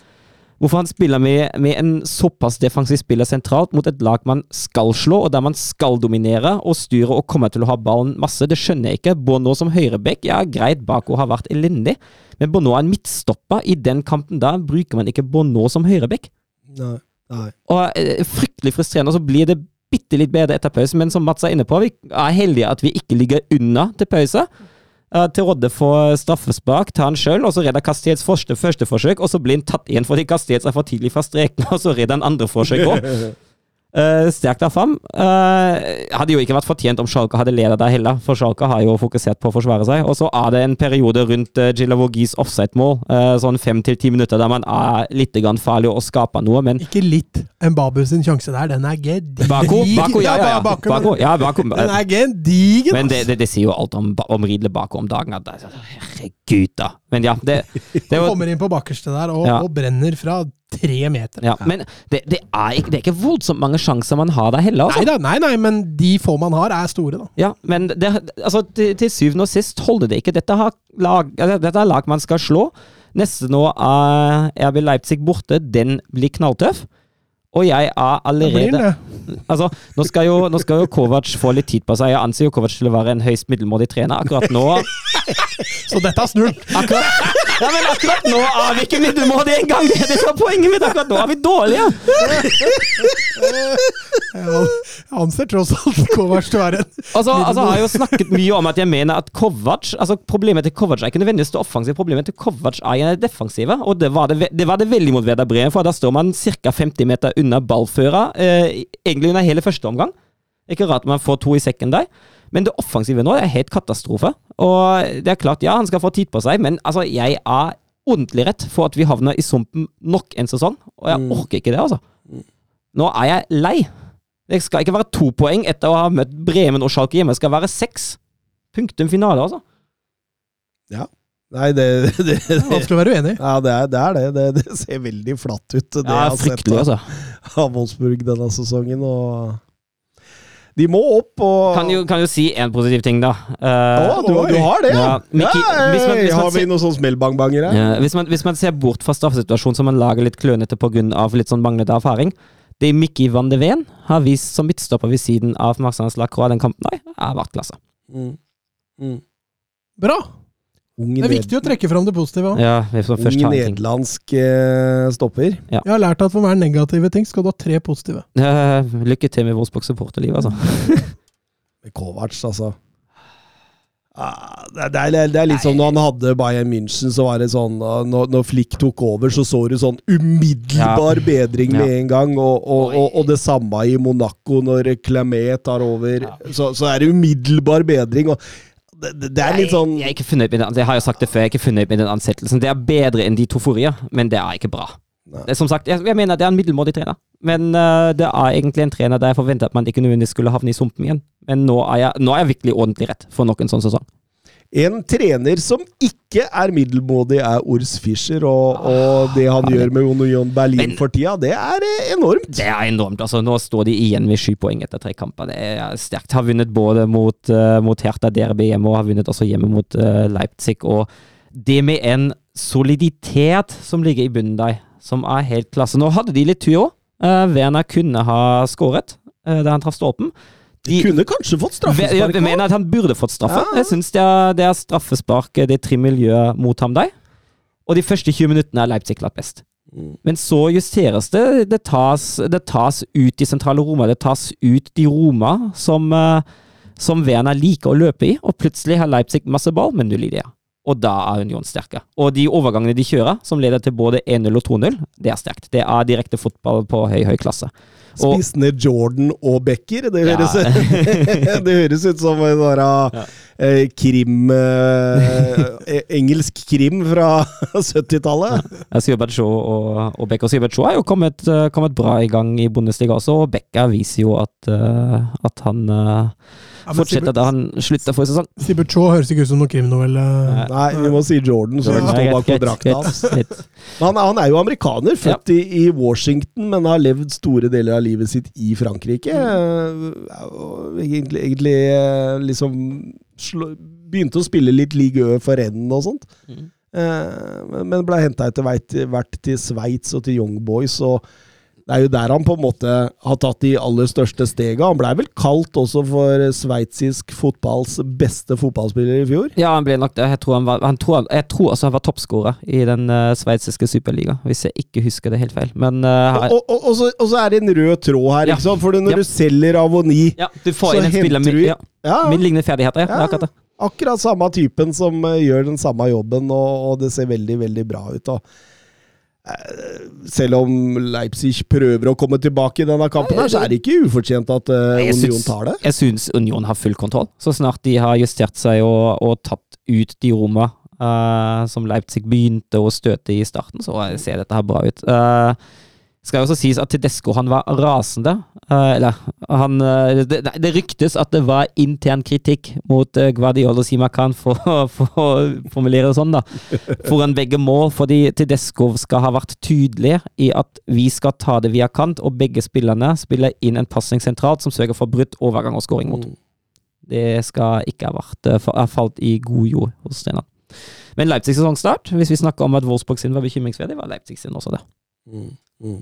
Uavgjort uh, mot eh, Stuttgart og Köln, riktignok med masse utelatte sjanser mot Stuttgart, med et rødt kort mot Schoboschlei mot Köln, og tap mot Union Berlin. Det, det er ikke helt der ambisjonene skal Nå ligge får for Wolfsburg svi neste helg. Ja, 100 Så klart. Timo Werner hat trick. Bang! Ja, bare å spille på det. For Timo Werner ser litt sånn Timo Werner ut Ja, igjen. han gjør det. Han gjør det.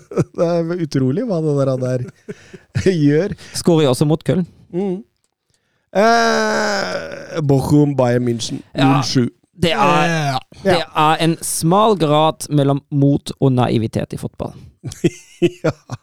Og den graden har Bochum kryssa flere ganger. Eh, det skal jo sies at de har jo litt tur imot òg, men altså eh, Det det er to ting da. Uh, når Bochum presser høyt og det lykkes, uh, havner Bayern i trøbbel. For den forsvarslinja til Bayern, i fri, både i frispillinga og når de skal forsvare egen boks, den er ikke alltid trygg. Mm. Og det har vi sett mot Wolfsburg òg, at uh, ikke alt som har kommet i den boksen, har midtforsvaret til Bayern vært sånn voldsomt god til å få ut hele tida. Uh, så med litt uh, utduell ligger det 1-2 i kassa både mot Wolfsburg og mot Bochum der. Men så er det offensive, da. Ja. Uh, og det er sterkt. Og særlig når presset til Bochum overspilles, og det blir rom, eh, og det flytende deg. Uh, de mange motsatte bevegelsene uh, som de angrepsspillerne setter i gang, Sané, Komo, Mané først og fremst, det er, det er høy, høy klasse når de får boltra seg litt, altså. Og så snakka vi jo om en høyrebekk i La Liga som hadde en uh, veldig dårlig kamp i Molina, men det, det, det, er, en, ja. det er en her òg! Ja, altså det, er jo han som, eh, som bomma voldsomt på 3-0. Han hadde vel en ball på tvers i egen boks og venta at Riemann skal ta, men den er jo helt uoppnåelig for Riemann. Mm. Og så takla han, eh, han en eh, gjennombruddspasning mot Sané i eget mål på 0-6. Ja, og markeringa på de likt på Ja, 0-2 ja. også er ikke bra, så det Men altså, jeg syns jo Borum blir slått litt for høyt her. Resultatet lyver også litt her. Uh, men etter at det blir 3-0, så justeres det ikke, og det er der altså problemet ligger. At man fortsetter med den samme naive stilen, uh, og når både motivasjon og til slutt også kondisjon går litt ut av det, mm. så blir det bare håpløst. Og de løper jo i flere voldsomme kontringer fra Bayern nå. Men, men, men samtidig eh, Vi har snakka litt om det med referansepunkter og sånt. Eh, jeg mistenker at, eh, at man har tenkt at her taper man uansett. Ja da. Eh, fordi altså, kvalitetsforskjellen på disse to lagene her, det er, det er nest, det er nest, altså, Du finner den litt med Paris Saint-Germain i Ligue Ø, men, men det er så gedigent, da. Altså, det er divisjonsforskjeller. Og, og, og det ser du jo på alt som skjer i den kampen der. Altså, når, altså Mané, Sa, Sané Altså, de, de gjør som de vil. Mm. Så det, Koma og Koma òg i perioder. Ja, Koba var sterk. så det er jo det er, det er jo Gamboa òg. også. Ja, man starta med 9 poeng og 15 igjen på 3. Det er helt ja, Gamboa var jo Han var jo banens beste, han. Bayerns beste, han i 16-meterne.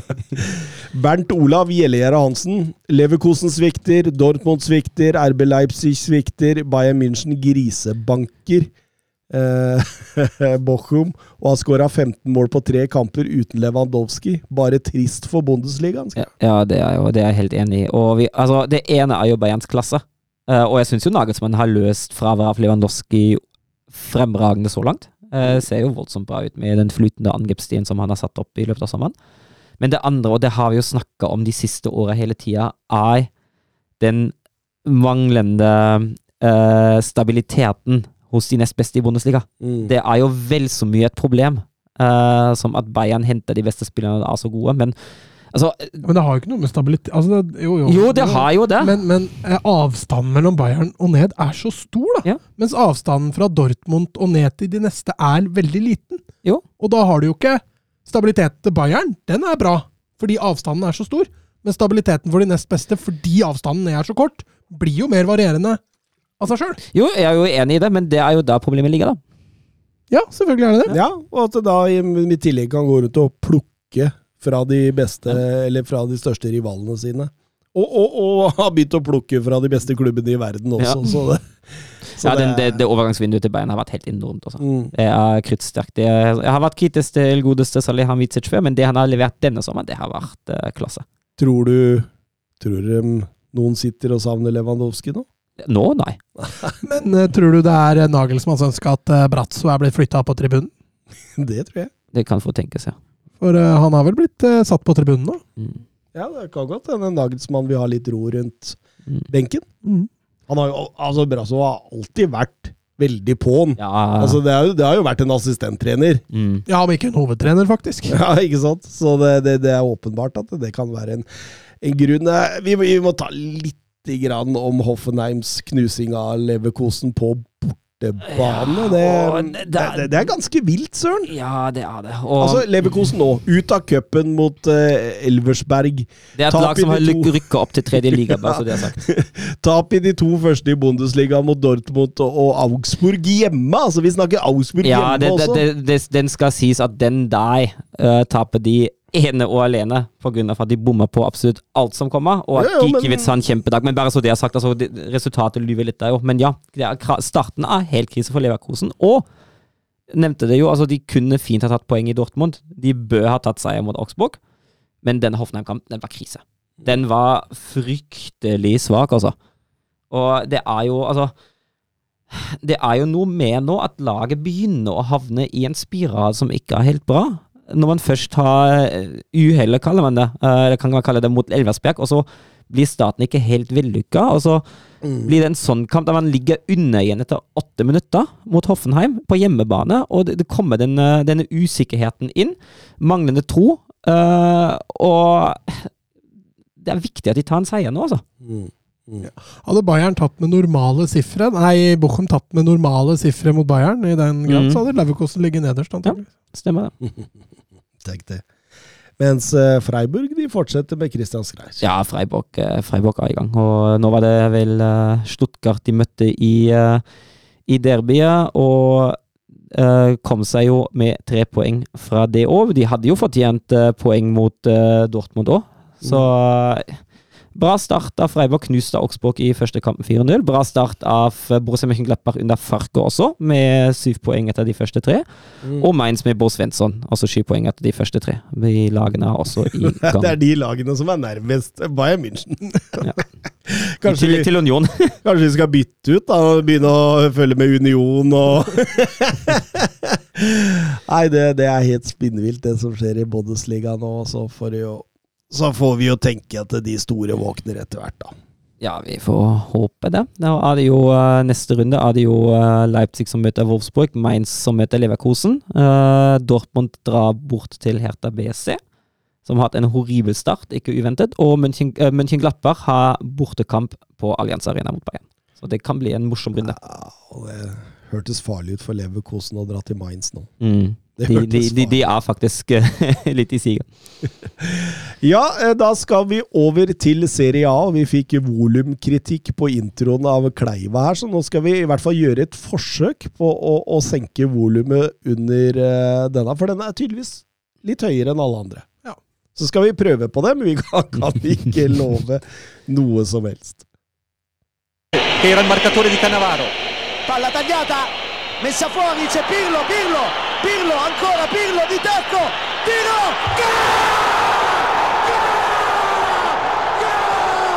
Grosso, grosso, gol di Grosso, gol di Grosso!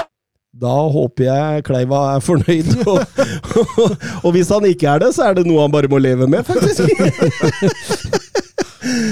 Eh, Men um, Serie A-fotballen ruller der også. Det, vi snakka litt om det før sending. Altså, det, er så rart at det er ingen i Norge som har rettighetene til dette, for det er jo nesten den mest åpne ligaen av alle. Ja, altså, han er underholdende morsom òg. Mange nordmenn Altså, det, det begynner å skje ting rundt der, og det, det, mange, altså, det skjer så mye, og det er så gøy å, å sitte og streame det på sånne dårlige streams. Det er, det, Slitsomt. ja, det er det. Så nå må noen kjøpe disse rettighetene! Kanskje vi skal gjøre 90 minutter har også begynt TV. Ja, TV-selskap. Agent, agent og Ja, vi, vi, vi, bruker, TV-rettighets... vi bruker inntektene fra agentselskapet til å kjøpe rettigheter. Er ikke det Ja. genialt? Åh, vi kommer til å bli rike, gutta. Fy fader. Ja, men jeg veit jo ikke om jeg er rik eller fattig. Jeg kan jo ikke regne ut dette likevel. Nei, du kan ikke det. Eh, Men eh, Inter fikk en ganske grei skuring mot Spezia hjemme. Ja, og fullt fortjent. Altså, de var jo det beste laget fra A til Å. Og det var, altså, når man fulgte litt med på den kampen, det var jo bare et spørsmål om tid før Inter skulle ta ledelsen. Og det er en uh, fullt kontrollert og fullt fortjent uh, 3-0-seier det her. Uh, litt morsomt at uh, duoen uh, Lukaku og Lotaro er i gang igjen. Har du hørt det nye kallenavnet de har fått i Italia? Hæ? Lula. Lula! Ja, det er fin. Det er fin. Mats måtte tenke. Hvor kommer Og Lautoro, ja. ja. Jeg tenkte jo først eh, Ok. Eh, Men eh, ja, Martinez gjør 1-0, Shalanoglu 2-0 og, og Correja 3-0. Og det er, det er fullstendig kontroll fra start til slutt. Og, og, men, men det er jo artig å se hvordan Lukaku plutselig blir Lukaku i Inter. Ja, det er helt sykt. Altså, den, den, Så den har vi akkurat at Werner ble det samme. Kanskje det er Chelsea som er problemet. Kanskje det er det! Chelsea er problemet. Ja, men det, altså Chelsea også er jo litt sånn Westham-syndromet. De har jo spist niere. Altså Kesman, eh, Torres, eh, Shevchenko. Sjevtsjenko altså, Det er mange niere som har mislykkes sterkt i Chelsea. Ja. Så det er jo en liten curse der også. Kan vi si Mutu? Ja, det, er lov å si han. Er ikke han tatt for kokain og drit, Jo, jo, da? det, jo, han- det blei jo store rettssaker i ettertid på det der, Ja. fordi Chelsea ville ha igjen penga sine. Ja, det skjønner jeg. Mm. Eh, Men, eh, men, men, men jeg syns jo Inter ser veldig bra ut. Det ser solid ut, nok Ja. en gang. Og Eh, Denzel Dumfries er også i gang, så Mm, ja, ja, og, og, og, og Barella syns jeg er bra. De Mm. kommer med bekkene igjen. De har disse tre vante bak der som, som styrer og steller. Og, og det, det, det, nei, det, ser bra ut. Det ser solid ut. Det ser ut som at det er en reell tittelutfordrer. Mm. Om ikke favoritten. Hvem er det vi hadde? Var det Inter? Det var Inter. Det var Inter, på, topp. Eh, to av de som skal være utfordrere til gullet, Atalanta og Milan, møtte hverandre, og det Ja, det var en ganske jevn kamp. Mm. Eh, Begge lag ønsker jo å angripe hurtig i lengderetning, og det bar jo også kampen preg av. Det gikk mye fram og tilbake. De gjorde det, og det er veldig morsomt å se eh, både Pioli og Gasperini står og dirigerer, justerer, og det er en veldig, veldig sånn taktisk kamp. Altså presshøyder, eh, sidebekker, utgangsposisjoner for de. Altså det, det blir jobba hele tida fra siden der.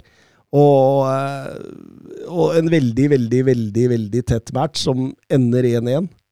Fantastisk eh, mål av Malinovskij nok en gang. Er Litt sånn Han skårer ofte fantastiske mål, da. mm, det venstreslegga, vet du. Ja, ja, det, det, Den- gikk ved via òg. Eh, og, og mange var jo overraska over at Malinowski var i elveren, fordi eh, det går rykter om at han er på vei til Tottenham. Så vi får se. Vi får se. Er den kreative, eller? Eh, ja, det er i hvert fall et, et alternativ til. Ja, for sentralt har de jo ikke nok med det. nei da, nei da. Nei da. Nei, men det, det, det, dette er jo en som vil ligge bak Kane i så fall, hvis dette skjer. Eh, men eh, Milan kommer jo greit tilbake her og, og, og, og får 1-1 med Benazer der.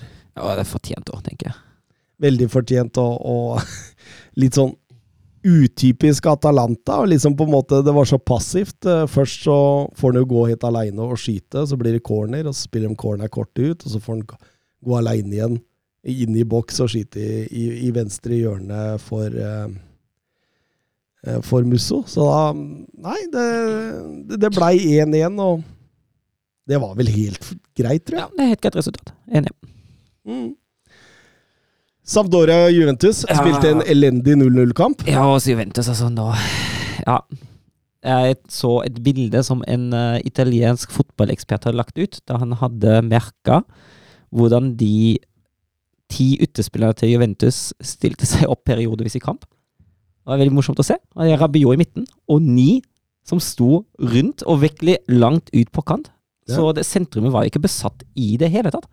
Nei. I perioder av kampen, da, i hvert fall. Så eh, Jeg har en eh, kollega som er eh, stor Juventus-fan. Han var der på sesongåpningen mot Sassolo. Ja, morsomt. Det var jo mye bedre. Ja, men han, men han sa det at du, du ser tegn underveis i den kampen også, at det, det, det, er litt mangel på kreativitet Mm. og sånt. Og så hadde man Angel Di Maria der, Ja, og den han var jo ikke med nå mot Sampdoria. og han var ikke med, og da, da merka man at det blei tyngre igjen. Jeg synes Juventus sliter litt med å hekte på Vlaovic i spillet sitt, og det, det, det er sånne ting man så sist sesong også. Og det, det, det, det går litt tungt. og tenkte jo også underveis der at med den midtbanen der, så er det ikke så merkelig at de ikke dominerer. Altså Rabiot, McKennie og Locatelli. Det, jeg syns det var like bra når Miretti kom inn, om ikke Ja, jeg bedre. syns, jeg syns Miretti uh, gjorde egentlig positivt inntrykk. Mm. Men, eh, men det blir 0-0 og Ja, Det er ikke, det er ikke ufortjent, det heller.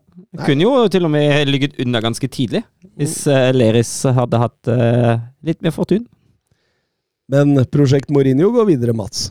Det durer på videre. Andre strake 0 1-0-seieren. Uh, grind det ut. Mer klassisk Mourinho enn det blir det vel ikke.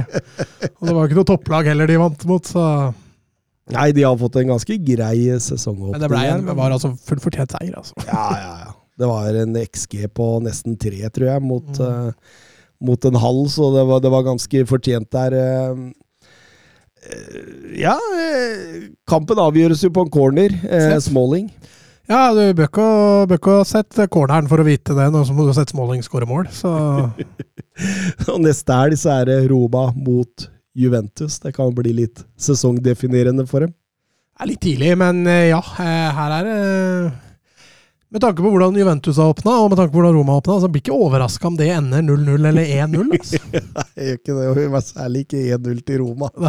Det ligger litt i korta. Dybala. På riktig. Men helt seriøst, jeg, jeg er ganske sikker på at dette Roma-laget stabler seg inn på topp fire i år. Deilig, da. For da må er ganske- Jeg, jeg, jeg, jeg er for programforplikta til å si meg uenig. ja, men jeg tror du lever farlig der. Det kan fortelle. Nei, jeg sier meg uenig. Eh, dessuten så må vi jo ta med litt fra Napoli, som knuste Monza hele 4-0, og en Kvadjaskela som var on fire, rett og slett. Og, og jeg, jeg syns jo det ser veldig lyst ut nå. Rekken framover med Lozano, Oshimen og Kvadjaskela ser så utrolig spennende ut. Altså Mye fart, bevegelse, dynamiske, målfarlige. Altså, bare Kvadjaskela er jo oppe i tre mål og én assist nå på de to første kampene. og vi, Ikke si at vi ikke advarte mot han. Eh, Kim, denne hulken Ja, stopperen, ja. det. ja, Stopperen har jo vært strålende. Tatt eh, nivået umiddelbart og gjort savnet av Kolibali omtrent minimalt. Midtbanen ser god ut, god balanse. Du har Angissa der som ja, som er jo god så lenge han ikke spiller i Premier League. Silens, Silenski er klasse, og, og Lobotka har også hatt en fin start på sesongen. Og så, og så har de fått henta inn spillertyper. altså Raspadori har kommet inn eh, satt på benken der. Eh, Giovanni Simione eh, som en sånn eh, alternativ til, til Oshimen, og, og til og med En å er inne i Napoli nå. Én million euro på lån. 30 millioner euro i utkjøpsklausul. Hvor, my, hvor mye ville han eh, Hvor mye var det, var det snakk om i Lyon? Var det ikke 70 millioner euro Det var det, det var det som var det. Så de, de, de har godt over halvert den utkjøpsklausulen denne gangen, i håp om at de kanskje klarer å bli kvitt den. Men jeg tror dette kan bli bra i Serie A under Spalletti. Ja, på Premier Leagues kirkegård. Ja, hvis han orker. Hvis han Tenk orker. deg det, ja. vi satt her med årets kjøp og, og, og, møtte ja. han. Vi bommer litt også. Vi får skryt for mye vi treffer på, men vi, må, vi kan huske på at vi bommer en del òg. For vi melder mye. vi, vi, vi melder i øst og vest. Men uh, Napoli, det er flere som har lagt merke til denne gode starten. Steffen Hansen uh, ikke bare ser Napoli ut som det beste laget i Serie A, men også det mest underholdende. Kan det bli Scudetto-jubel i mafiahovedstaden? Ja, Vi snakka litt om det før sending her, at eh, i Italia så er det, det er ikke lett å finne en favoritt der. Og det er, som du sier, altså du kan nevne ganske mange lag uten å bli sett på som en idiot. Så at Napoli til slutt kan ende opp med dette seriegullet, det er absolutt ikke utenkelig. Nei, det er jeg jo enig i, men det skal jo sies også at de første to motstanderne nå, det var, det var Verona og Monza. Så uh, de har ikke blitt testa mot det helt store heller. Nei, nei. Selv om det ser veldig bra ut, jeg er enig i det. Champagnesnekkeren på Twitter, eh, hva eh, bringer fremtiden for Leo Østigård i Napoli? Vil han klare å kjempe seg inn, eller blir han lånt ut og solgt for dobbelt innskudd? Nei, altså Jeg håper jo han greier å kjempe seg inn. altså Det er jo som du sier, da. Kim virker jo, virker jo bankers. eh, Så er Ramani han må kjempe litt med. og Jeg ser jo ikke helt utenkelig at han kan få den plassen etter hvert, men han må jo bevise det. da. Han hadde jo en god sesong i fjor i Genoa, så han har jo litt bagasje. eh, Jeg syns det er for tidlig å gi opp, i hvert fall, og begynne å låne ut allerede nå. Da må, da må det i så fall vise seg at han er langt bak. Ja, men Han er jo bare én av fire stoppere Spalletti har, Ja, og og, kom, de skal spille Champions League. ja, det, det ene. Og det andre er jo at det, det er jo vanskeligere for en stopper å komme inn på laget enn for en offensiv spiller, når man Mm. først havner litt utover. Ja, for stoppeplass også handler det en del om relasjoner, Mm. så Så det kan være at veien fram er litt lang for Østigård, men jeg syns det er for tidlig å Ja. konkludere. Og det kommer til å komme skader og karantene. Mm. Ja, så han må ta sjansen når han får den, og så, så er jeg sikker på at veien kanskje ikke er så lang allikevel. Yes, yes. eh, Litt uh, league Ø må vi også ha. sur la frappe de Messi de, De de Mercado, Mercado, oui. Mercado, et, et là aussi on a un petit peu de réussite. Griezmann sur l'appui, c'était bien joué avec Giroud. Oh, Zidane. Sylvain Oh, Sylvain, il l'a vu Oui. Kylian Mbappé Kylian Mbappé, il l'a vu Ça fait 4 Et ça fait peut-être un quart de finale pour l'équipe de France 68e minute Oh, la joie collective parce qu'ils ont tous jailli du banc pour aller saluer cette passe décisive géniale de Giroud et ce doublé pour Kylian Mbappé. Og eh, når vi snakker Ligue så må vi selvfølgelig ta Paris Saint-Germain først. Og for en drømmefotball de spiller under Galtier! Ja, etter åtte sekunder var vel uh, lista allerede lagt. Nå det blir scoring rett fra avspark. Etter en passing av uh, Messi mot Mbappe, som får uh, drøssevis av bakrom fra avspark av. Altså, hva i alle dager driver Lill med deg? jeg, jeg mistenker nok en gang at, at Fonseca tenker eh, Jeg tror vi taper her. Her skal vi spille vår type fotball for utvikling. Fordi jeg, jeg finner ikke noe Altså, enten så er han så naiv, da, at det nesten ja, altså Da må du begynne å lure på hans fotballkunnskaper hvis han setter opp laget sitt til å spille sånn med det bakrommet. Eller så, så, så må det være noe sånt noe at eh, ok, her skal vi prøve oss. Jo, det er greit, men ingenting unnskylder det som skjer 30 sekunder av deg, altså. Ingenting. Nei, klokka var jo ikke kommet opp på skjermen Nei. på kampen engang. Det, det, det skal ikke skje, punktum. Rett i bakrom fra Messi på Mbappe. Ja, og mot etablert! Altså, hvordan kan, hvordan kan det gå an mot etablert fra avspark? Nei, det er på, helt på det her nivået så er det faktisk ikke akseptabelt. Altså For et klubb som Lill, da, altså seriemester for to sesonger siden, skal ikke behøve en referanse hjemme mot PSG i andre serierunder. Liksom. Nei, nå er det jo et Lill som ikke kan sammenlignes med det laget som vant Ligue Ø den eh, sesongen. Da. Nei, nei, men allikevel, forventningene er jo der, og du må jo strekke deg. Ja, Altså Her ja. viser man jo at uh, dette her Vi prøver jo ikke engang, liksom. Nei, nei. Og når en Messi setter 2-0 der etter 27 minutter, så, så får jo Fonseca et dilemma her. Skal man senke seg? Uh, Da har man jo trolig tapt kampen uansett, hvis de hadde et håp om å vinne. Jeg er vel litt usikker om det enda. Eller, eller så, så, altså, og de velger jo ikke ta hensyn, og selv om det kunne vært 0-5 allerede. Eh, når Messi satte det 0-2-målet. Ja, men da tenker jeg altså, da går det litt sånn på mer enn bare at det er 0-2. Da går det jo Altså, det irriterer meg innimellom når, når managere er litt dårlige til å justere på kampplan og først gjør noe når målet ligger i kassa. Eller etter, kamputvikling. For det, altså, man kan Hva hva da? Målet ligger Ja, kassa! når ballen ligger i kassa, da. Ja, sorry. Men det, det er noe med at altså, gode managere reagerer før det skjer noe. Mm. Ja, ja, helt klart. Og han bør jo ha reagert mye før. Så, så, så, så Eller han bør jo ha reagert, han gjør jo ikke det heller. Han bør ha reagert, ja, i det hele tatt. Det er riktig. Nei, han sto og, og kjekka seg på sidelinja. Han og så, sto og så på der at måla rant inn der, og, og, og det samarbeidet Messi, Neymar, eh, Mbappe, det er jo Nei, nå, nå, det, det, det her er sinnssykt, liksom. Og så, og så får de gode arbeidsforhold, men, Ja, det, men det må nevnes, faktisk. Men det er sinnssykt det vi viser nå, altså. Det, det ser ut som liksom Messi har funnet en ny giv. Mbappe har lyst til å spille fotball. Neymar ser jo ut som han stortrives. Han har vel fem mål på, og fem assist på de første tre. Ja, noe sånt. Men eh, det Mbappe gjorde forrige helg, når han tar initiativet, og så blir ballen spilt andre veien, Ja, og stopper opp her. og ja. bare stopper opp, Ja, og begynner å gå tilbake Hva i alle? får noen holdninger. Det er egentlig, det er egentlig rett bytte ut med en gang. Umiddelbart. Ut. Ja, altså Han heter jo Mbappé, da, Ja, så, men så det tror jeg ikke han Ja, kunne Men, gjort. men jeg tenker at Galtier er en trener som har gitt ham en advarsel på den der. Ja. Fordi han er tøff nok i trynet. Altså, jeg tror Galtier som person er grunnen til at Neymar leverer som han gjør nå. For han har fått et øh, Jeg er ganske sikker på han har fått et ultimatum. Tror du han kanskje ikke har skada når søstera har bursdag nå? I år? Eller neste år? Ja, vi får se, vi får se. Jeg tror ikke Galtier uh, syns det er en ok unnskyldning, i hvert fall.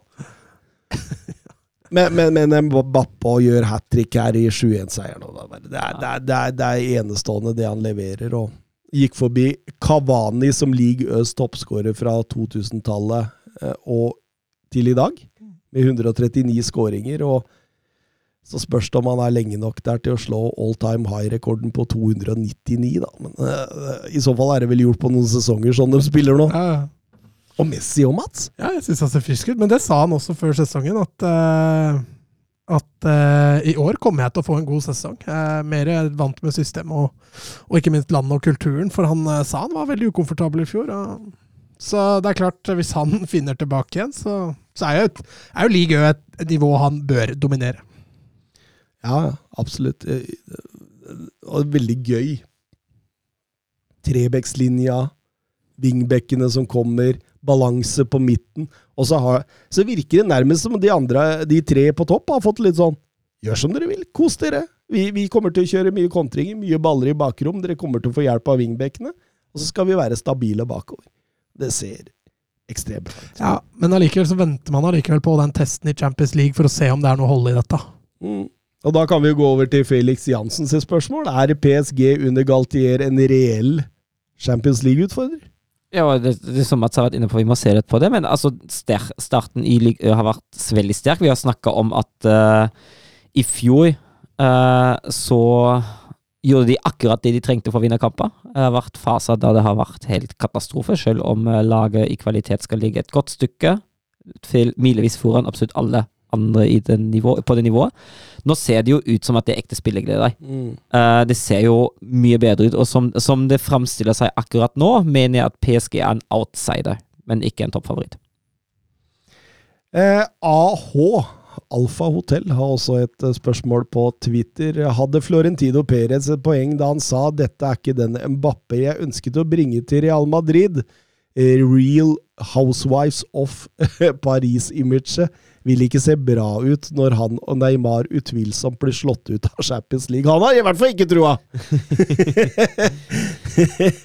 Jo, men en Mbappe i Real Madrid hadde vel fått en litt annen giv enn det han har vist. Men nå har han jo, vist, nå har han jo vært eh, bra, med unntak av den, blant annet den episoden vi snakka om, for da var han jo da var han litt housewife. Ja, jeg føler egentlig at det er mest bitterhet som snakker ut av Perez nå. Mm. Det, er, det er en bitter, bitter mann nå, altså.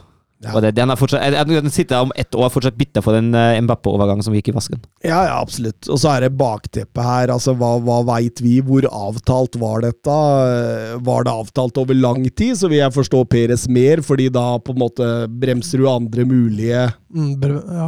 Ja, så det, nei, det er litt vanskelig å si, men at han virker litt bitter, det, det, Det er ingen tvil om, i hvert fall. det er ingen tvil om det. Um, I resten av runden, både Lyon og Marseille vant ganske greit. Monaco gikk på en kjempesmell hjemme mot uh, Lans. Den så jeg ikke helt komme, Søren. Nei, det er skuffende for Monaco, det der. Ja, det, altså, de røyk i Champions League-kvaliken mot PSV. Det var, nok, det, det var nok ganske jevnt, da. Det mot Ja, PSV. ja. Jo, jo, for all del, men kun 1-1 hjemme mot, uh, mot Renn også i, i forrige helg. Og en tung start der, altså. Ja, Nok en gang. ja, Ser ut som at de ikke har kommet i gang, da. Hadde jo det i fjor òg. Ja, og så, og så trengte jo Klemmer altså, Da han kom inn, han trengte jo litt tid for å få det hele på flyt. Mm, han gjorde det. Så det, det, det, det er spennende eh, å se om dette her snur. Eh, så forresten uh, Lans uh, målskårer der, eh, Openda. Spennende angriper. altså Kom fra Klubb Brygge, men har vært på utlån i Vitesse i to sesonger nå. Skåret en haug med mål! Belgisk eh, landslagsspiss, eh, 2000-modell. Så han skårte sitt første ligamål, så det er veldig, veldig morsomt. Ellers kan vi også nevne at Renn vant sin kamp 2-1 og, og er i gang med Terrier og, og co., så det kan jo bli mye mål der også. Ja, Marseille også da tok vel en seier nå som Bailly også er klar, så Klart de utfordrer ikke PSG, men, men vel, vi hadde dem vel på andreplass, hadde vi ikke det? Vi hadde dem på andre før Monaco, var det det? Og, nei, Lyon og Monaco. Vi hadde Lyon oppe. Mm. Og det ser jo veldig bra ut der med Lacassette og Cosa. Det kan, eh, kan bli spennende. Tross Peter Bosch. Ja. ja.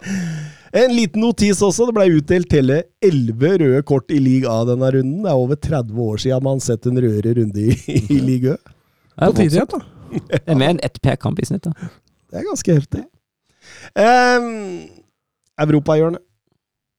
Tor Håkon? Bra jobba, gutta! Bra ball! Ja, grei offside. Tor Håkon, den er grei. Tor Håkon! Nei, Tor Håkon, det var din egen skyld. Ikke bli sint for det, i hvert fall. da. Tor Håkon, ikke kjeft på dommeren. Og ikke kjeft på dommeren. Tor Håkon, nå hører du på dommeren. Det er hver gang, altså. Hver gang. Nå har jeg tatt meg den frihet å implementere noen europahjørne-spørsmål fra Twitter Oi, oi, oi. i europahjørnet. Såpass, ja. Ja. Og det første kommer fra Benjamin Norway. Mudrik i Sjaktar Shakhtar er en ettertrakta spiller. Kjenner dere til han, og hvor god han kan bli? Har dere kontroll på han? Det kan jeg ikke påstå, nei. Nei, jeg vet, altså det, det jeg vet om ham, er at han er 21 år. Han er en, eh, en venstrekant, og Leverkosen jakter ham noe voldsomt, og var også villig til å betale eh, rundt 20 millioner euro. Spillen ville også til Leverkosen. De Det gikk i vasken, fordi Shakhtar, der man egentlig hadde Eller ut ifra Leverkosens versjon, der man Jeg kan ikke den andre sida, så man må alltid ta det med en klype salt. Men Leverkosen sier at man egentlig har blitt enig med klubben, og så har Sjakta bare økt og økt og økt kravet på, på penger de ville ha, eh, og det er derfor den har gått i vasken. Men det ut ifra det jeg har hørt om ham, uh, er han en, uh, en ganske lovende spiller. Et stort talent. Eh, men nøy, mer nøyaktig kan jeg ikke om han. Jeg har aldri sett ham spille. Nei, han blir jo kalt den ukrainske Neymar. Eh, og Jeg vet ikke om det er positivt. Aldri Nei, nei, nei, nettopp. Og, og selv om de be, Men samtidig, da. Disse betegnelsene er jo om litt ja, altså De kan være litt vage. Det går jo litt sånn slags sport i det. Men, men det sier jo som regel litt om hvor i landskapet man er. da Han vil ikke bli kalt det ukrainske Ngolo Kanté, liksom. Nei, det, altså, det er jo en offensiv venstre Altså, det er en venstre kant, da. Ja. Det, Ukrainske Joey Barton. Ja. Da veit du at uh... det er ukrainske David Digé. Ja, men ikke sant, det, det gir jo en viss En viss pekepinn her, Det er jo grunnen til at det liksom ikke klinger, da. Det, Men, blir men, liksom men det er som Søren sier, han er ved ung, tror 2001-modell. Mm. sett noe av han det er en sånn kreativ, driblesterk, bra tempo. Det er litt sånn Kvadriasjkela light, liksom. Altså, det, det kommer en del av disse fra liksom de eh, Ukraina, Russland, eh, Georgia, disse eh, begynner å produsere en annen type fotballspillere. Veldig ofte før så var det mer store bjørner. Eh, fysiske beist. Nå, nå er det en mye mer Altså Tendensen tilsier at det er en del mer kreativitet og teknikk og finesse der nå. Husker du Alan Zagoev? Ja. Han var FM-favoritt, altså. Ble aldri noe annet. han ble aldri noe annet. Men det, det skal sies at det er Arsenal som er ganske nære han nå, og så får vi se om Jeg tror han trenger litt tilvenning i Premier League. Ja, det, jeg, tror, jeg tror til og med i Bundesliga han trenger tilvenning. Mm. Anders Hansen, om vi får et lag nord for polarsirkelen inn i Champions League, hvor morsomt og eller jævlig blir det? Kan kunstgresset i 15 minus knekke karrieren til Neymar? Ja, altså for, for alle som bor nå for, Eller for Nei, for de som bor i, i byen da det laget eventuelt holder til, eh, blir dette veldig morsomt. For bortespillerne, som ofte kommer fra sørlige strøk, kanskje ikke fullt Jeg syns jeg ser Neymar i desember oppe i Bodø der. Altså, jeg har bodd i Bodø. og altså, når du lander på, fly- på flyplassen og går ut av den sivile flyplassen som er der, rett ved siden av den militære, forresten Ja, man så jo bilder av det når Mourinho kom ut der og sånn. Eh, Altså, det, det er en kulde og en vind som slår deg så knallhardt. Altså, Man sier jo at folk i Bodø, når det er vindstille der, så faller alle fordi de er vant til å lene seg med vinden. Og den vinden i desember, den er kald! Jeg bare ser for meg Neymar. Han snur, og så sier han at søsteren har bursdag. Han gidder ikke å ljuge engang. Han bare 'Søstera mi har bursdag'. Dette gidder jeg ikke. Men, men hadde det vært kult med Bodø-Glimt i Champions League? For dere, For- liksom, for- sånn personlig? Ja, altså for, for norsk fotball sin del hadde det jo vært å få et lag i Champions League, men jeg, syns det er liksom vanskelig å skulle stå altså Nå så jeg at det var folk som kritiserte Knutsen som kritiserte. Hvorfor heier ikke hele Norge på det? Synes jeg er vanskelig. Altså, Ja, det hvorfor, skal jeg heie på et annet lag enn mitt eget? Ja, altså, hva- Rosenborg prøvde også på det samme i sin tid. Hele Ja, ja. Norges Rosenborg. Ja, det er bare, det er bare tull. Det er bare tull. Altså, jeg kan fortsatt mene at det er gøy for norsk fotball. Samtidig er det et problem at da er det plutselig et lag som får voldsomt med penger. Eh, som da får et ekstremt forsprang framfor de andre, og det er ikke nødvendigvis noe som vi vil ha i norsk fotball heller. Men det åpner jo opp dører da, for andre pga. disse Ja. Det rankingpoengene. gjør det, og det, det, er sånn, det er sånn to sider av det hele. Altså, Norge har jo ikke noe lag i Europa Men skjønte jeg det riktig? At Det det er, det er like greit At det er bedre for norsk fotball, sånn rankingmessig, at Bodø-Glimt er i Europaligaen, for der har de større sjanse til å vinne kamper. Det er helt riktig, egentlig. Du får poeng for ja. Altså uansett De, de er hvordan- jevnt stilte ved poengdelingen i den, Mm. i den rankinga, ja. Og, Så, så jo flere kamper du vinner, jo bedre er det for rankinga. Ja. Og Bodø-Glimt i Champions League vil jo antageligvis tilsi ganske få seire. Ja. Mens Bodø-Glimt i Europaligaen kanskje et par seire til. mm. Så for norsk ranking sin del, og for Ja. norsk fotball, så er det nesten best om de havner Ja, i, i Europaligaen. Men, men, men, men tror vi de havner der? Eh, Eller blir heksegryta ned i altså, altså, altså, så første gangen mot Dynamo, da, da var Bodø-Glimt bra. Jeg tenkte at oi, skal de fader tute meg ta dette også? Men utover i andre omgang så, kommer, så føler jeg at Dynamo løser det høye presset til Bodø-Glimt mye bedre, og da, Altså, da kommer det mye mer inn i det. altså, er det forskjell å spille på kunstgress for et lag som ikke er vant til å spille på kunstgress, som bare er vant til naturgress? Så jeg tror Zagreb tar det hjemme. Men altså, Bodø-Glimt fikk jo til bra borte mot Roma, mot et ganske toppa Roma-lag. Så, så de har gjort det også på bortebane mot et bedre lag enn det de møter der. Men nei, jeg har en følelse at Dynamo greier det.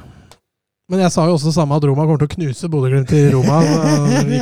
Men, men, men, men, men tenk disse Twitter-Bodø-Glimt-fansa da. At det er blitt så mye glimt i. Åh, det, det det, er det, for mye. er bare å mute ordet glimt fra Twitter. Man kan mute sånne enkeltord, så kan man slippe å se alt det der. For dem er ubehagelige folk, altså. Ja, det er også, altså, og så er det noe harde mottak har jo vært inne på det. Jeg tror det er kanskje Trym Hogna som har nevnt det litt. At det er sånne kontoer som har oppstått sånn, eh, sånn på midten av eh, 2020, når de begynte å bli ordentlig gode. Og eh, jeg kjenner godt til Trym Hogner, og er en mann som hater, så er det i hvert fall han. Han nekter ikke for det. Nei, det, det ja, tror jeg er ganske stolt over, faktisk. han bærer den. Um, Eres-divisjon. Jeg har hørt om en Steven Bergwijn som tar, eh, tar ligaen med storm. Ja, han har hatt en eh, strålende kamp mot uh, Sparta Rotterdam på bortebane. Ajax uh, vant sine første to, uh, mot henholdsvis uh, Utrecht og uh, Groningen. Eh, Groningen blir sendt hjem med seks hjem. 6-1 fra Johan Cruyff Arena. Der var det også hat trick av Bergwijn. Ja. Og nå var det Sparta og Ajax har jo, er jo det klart styrende og beste laget fra start. Uh, Sparta kommer seg nesten ikke til overganger engang. Jeg syns Ajax har full kontroll. Og Bergveien trekker hele tida inn sentralt uh, og styrer egentlig det meste som foregår offensivt. Uh, og det er også han som eh, setter inn 1-0 etter 37 minutter. eh, og med den ledelsen går Ajax i pausen. Eh, Brian Brian Bobby han må skåre, han må øke til, til 2-0 etter pausen. Sette sette han i tverrliggeren der. Eh, og så altså, har jo Sparta altså, Det er jo to altså, er sånn langskudd som blir farlig, som blir redda godt, og, og påføringene der blir farlig å redde. Men Ajax har egentlig full kontroll og vinner fullt fortjent, og det kunne fint ha blitt mer enn kun den 1-0-seieren som det ble til slutt. Og nå står de altså med full pott etter tre kamper, ni poeng. 10-3 målforskjell. Eh, akkurat nå er Feyenoord med sju poeng på eh, andreplass, men PSV, Excelsior, Tvente og AZ står alle sammen med seks poeng etter to kamper, og har alle sammen også mulighet til å øke det til full pott i år. Ja, for I Nederland så er de litt hyggelige med lagene sine, for der gir de dem spillefri mellom disse kvalikkampene til Mm. Europa, og, og det har jo PSV Jeg- hatt nå. Kan det? PSV hadde jo ikke spillefri mellom de to Monaco-kampene, for det var, det var der jeg så dem. ja. Uh, og LSK benyttet seg jo også av den muligheten mellom de to Seinajokki-kampene, Mm. og spilte en Ålesund-kamp mye tidligere i år. Mm. Uh, så ja, det er noen hengekamper som fortsatt skal spilles. Ja. Jeg kan jo også nevne at uh, Anderlich også fikk jo sin kamp eh, utsatt i Mm. fordi det også er jo Ja, Så du, du er fri nå, du? Nei, jeg har bytta til Fugla. byttet til Fugla, nå. Ja, ja, ja. Tenk det at han forlater eh, Ja, men det har vært ganske traust, altså. Jeg Ja. må innrømme, jeg har prøvd å gjøre det litt artig, men eh, Men nå, nå eh, Fugla sover med en Royal Antwerpen. eh, gjør jo vei i vellinga der. Ja, de leder jo hele dritten. Med Mark van Bommel på benken. eh. Ja, nå tok jeg litt tid. Kamp. Aldeverell på Det, er- det, er- det er bare å vente på til Bommel-effekten slår han for fullt, og de faller som en stein. Altså, de har vunnet Nei, bortsett fra FC Drita hjemme, så har de vunnet alle kampene sine så langt i år. Eh, har en hengekamp, så de ligger på andreplass i, i, i Jupiler og Ja, nei, eh, Antwerpen ser, eh, ser bra ut. Men, Men, eh, men Fugla, de vant eh, 3-0. de, eh. Å, jeg har fått med deg det, ja. Ja. Ja, deilig å kunne snakke fugl, ass. Det Fader, vi må ha en egen Vi kan lage en egen podkast om det. Fuglapodkasten? Ja. Det, det, det, det er ikke noen som har det før. Nei, fader, der, er vi, der kommer Ja, vi til å være litt der, eh, innovative. Husker du den derre podkasten? Soleklar offside. Ja! Som hørtes ut som var spilt inn hjemme på kjøkkenet til oldemor, liksom. Men det tror jeg det var, da. Ja. Den, den er ikke lenger, eller? Nei, den ble kutta ut. Altså, jeg tror harde mottak rett og slett blei for svære for fort. Så, Og nå er jo dødball kommet òg. ja. Hva Der er syns du om den, Mats? Nei, flinke. Som Gjelleråsen-trener og Flinke, flinke folk.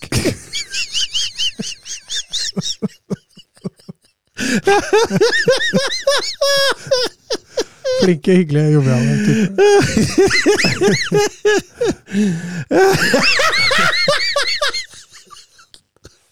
Du valgte å spille meg på den, ja. Jeg gjorde det. Jeg gjorde det. Det er bra. Fugla 3-0 mot Sandefjord. Eh, fullt fortjent. Eh, godt å se litt passion igjen i, i, eh, i, eh, i dette Lillestrøm-laget. Nå har det vært en fryktelig trå periode med, med tap borte mot Jerv i et skandalekamp. Eh, og selvfølgelig denne dobbeltkampen mot Antwerpen hvor vi var fullstendig sjanseløse. Eh, kanskje det styggeste målet Lillestrøm har skåret på mange år, når Gjermund Aasen krangler inn eh, 1-0 der. Det var ikke nydelig assist av Dragsnes? Er liggende der, mener du? Ja, det, det ser jo ut som han gjør det med vilje og hender den der. Eh, og så kan Karin i andre omgang, når han setter 2-0, så er vel egentlig kampen avgjort. Sandefjord skaper fryktelig lite. Uh, Lillestrøm er litt tilbake igjen til det gjerrige forsvarsspillet de, de har, hvor de tillater lite rom for motstanderen, og, og aggressiviteten er, er langt bedre enn det vi har sett på lenge nå. Så det hjalp å få en, få en friuke, kan vi si. Eh, og Vetle Dragsnes, fantastisk forarbeid av Gjermund Aasen. Der er han øyre i nakken. Når han legger den til, til Dragsnes, som med skeiva, kan vi vel si, setter den i setter den i mål. Så en eh, fullt fortjent seier til Lillestrøm. og Veldig bra at vi er tilbake igjen på, på seierssporet. Fortsatt selvfølgelig langt opp igjen til Molde. Selv om fem poeng kanskje ikke er så mye, så er Molde inne i en, en vanvittig form. Eh, ta, vinner, jo, vinner jo samtlige kamper. Og.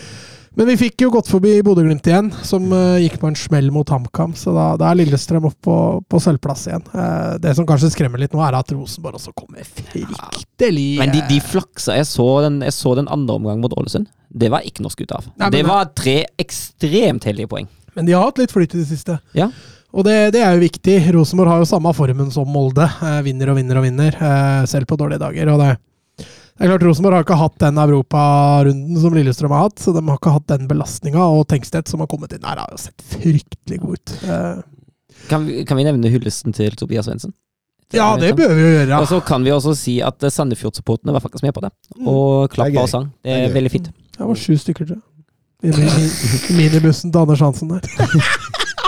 Men Vi var nok, det var sånn ca. 40 på tribunen, men Nei da, men det var stort. Eller ellevte minutt så ble det markert for, eh, for Tobias Svendsen, som, eh, som har tatt seg en pause fra, fra fotballen av personlige årsaker. Så får håpe han kommer tilbake igjen. Han, eh, Fin fyr. kommer, kommer alltid til å være en favoritt på Åsen. Alltid. ja, nå fikk jeg også oppleve han Ja, med Gjelleråsen ja. Ja, mot Lillestrøm. Og det er klart Tredjediv var et nivå han egentlig ikke hører hjemme på. Han ja. lekte fotball når vi begynte å bli slitne. Og en, en klassespiller, så hvis han får orden på huset sitt, så håper jeg han kommer tilbake igjen til Fugla. Deilig, deilig. I ligaen Nos, eh, Benfica hadde også spillefri. Gå fra Eh, Fugla til Benfica. ja, kanskje vi skal ta fugla til slutt? Sånn. Jeg tror kanskje vi bør holde oss på det, ja. Ja, For det handler jo om å ta seg inn i gruppespillet i Champions League. Eh, Jeg tror eh, returen mot Dynamo Kiev er nå i kveld. Uh, Leda 2-0 der, så jeg tror det skal gå ganske greit. Eh, Enzo Fernandes har vært enorm! Altså, han har vært enorm! Og det, det, er så kult å se på Og om de klarer å beholde Gonzalo Ramos fra Newcastle sine klør nå, så tror jeg det ser veldig, veldig bra ut uh, uh, framover. Um, Verdt å ta med seg at Porto slo Sporting Lisboa 3-0. Voldsomt. Mm. Ja, uh, skikkelig trøkk for Sporting, som har mista mange spillere i sommer. og eh, ja, jeg, jeg tror det blir en kamp mellom Benfica og Porto denne sesongen, og det er vel sikkert også derfor jeg bytta klubb. Vingla. Eh, Men du, du holder på Ajax? Ja, ja, ja. Ja, ja. Det blir jo Det hadde vært litt kulere å følge PSV nå, eller? Nei. Det er gøy å se Ajax. Det er jo en klubb som, eh, som på en måte bygger litt på nytt nå. Ja. Nei, men du skal få lov til å mene det. Og så, eh, som 90 minutter og programleder, så eh, vil jeg gjerne reklamere for podkasten Dødball. Eh, Ta og hør på den. Den er helt eh, strålende. Vi sier ha det bra. Adjø. Messi surging forward with real Messi.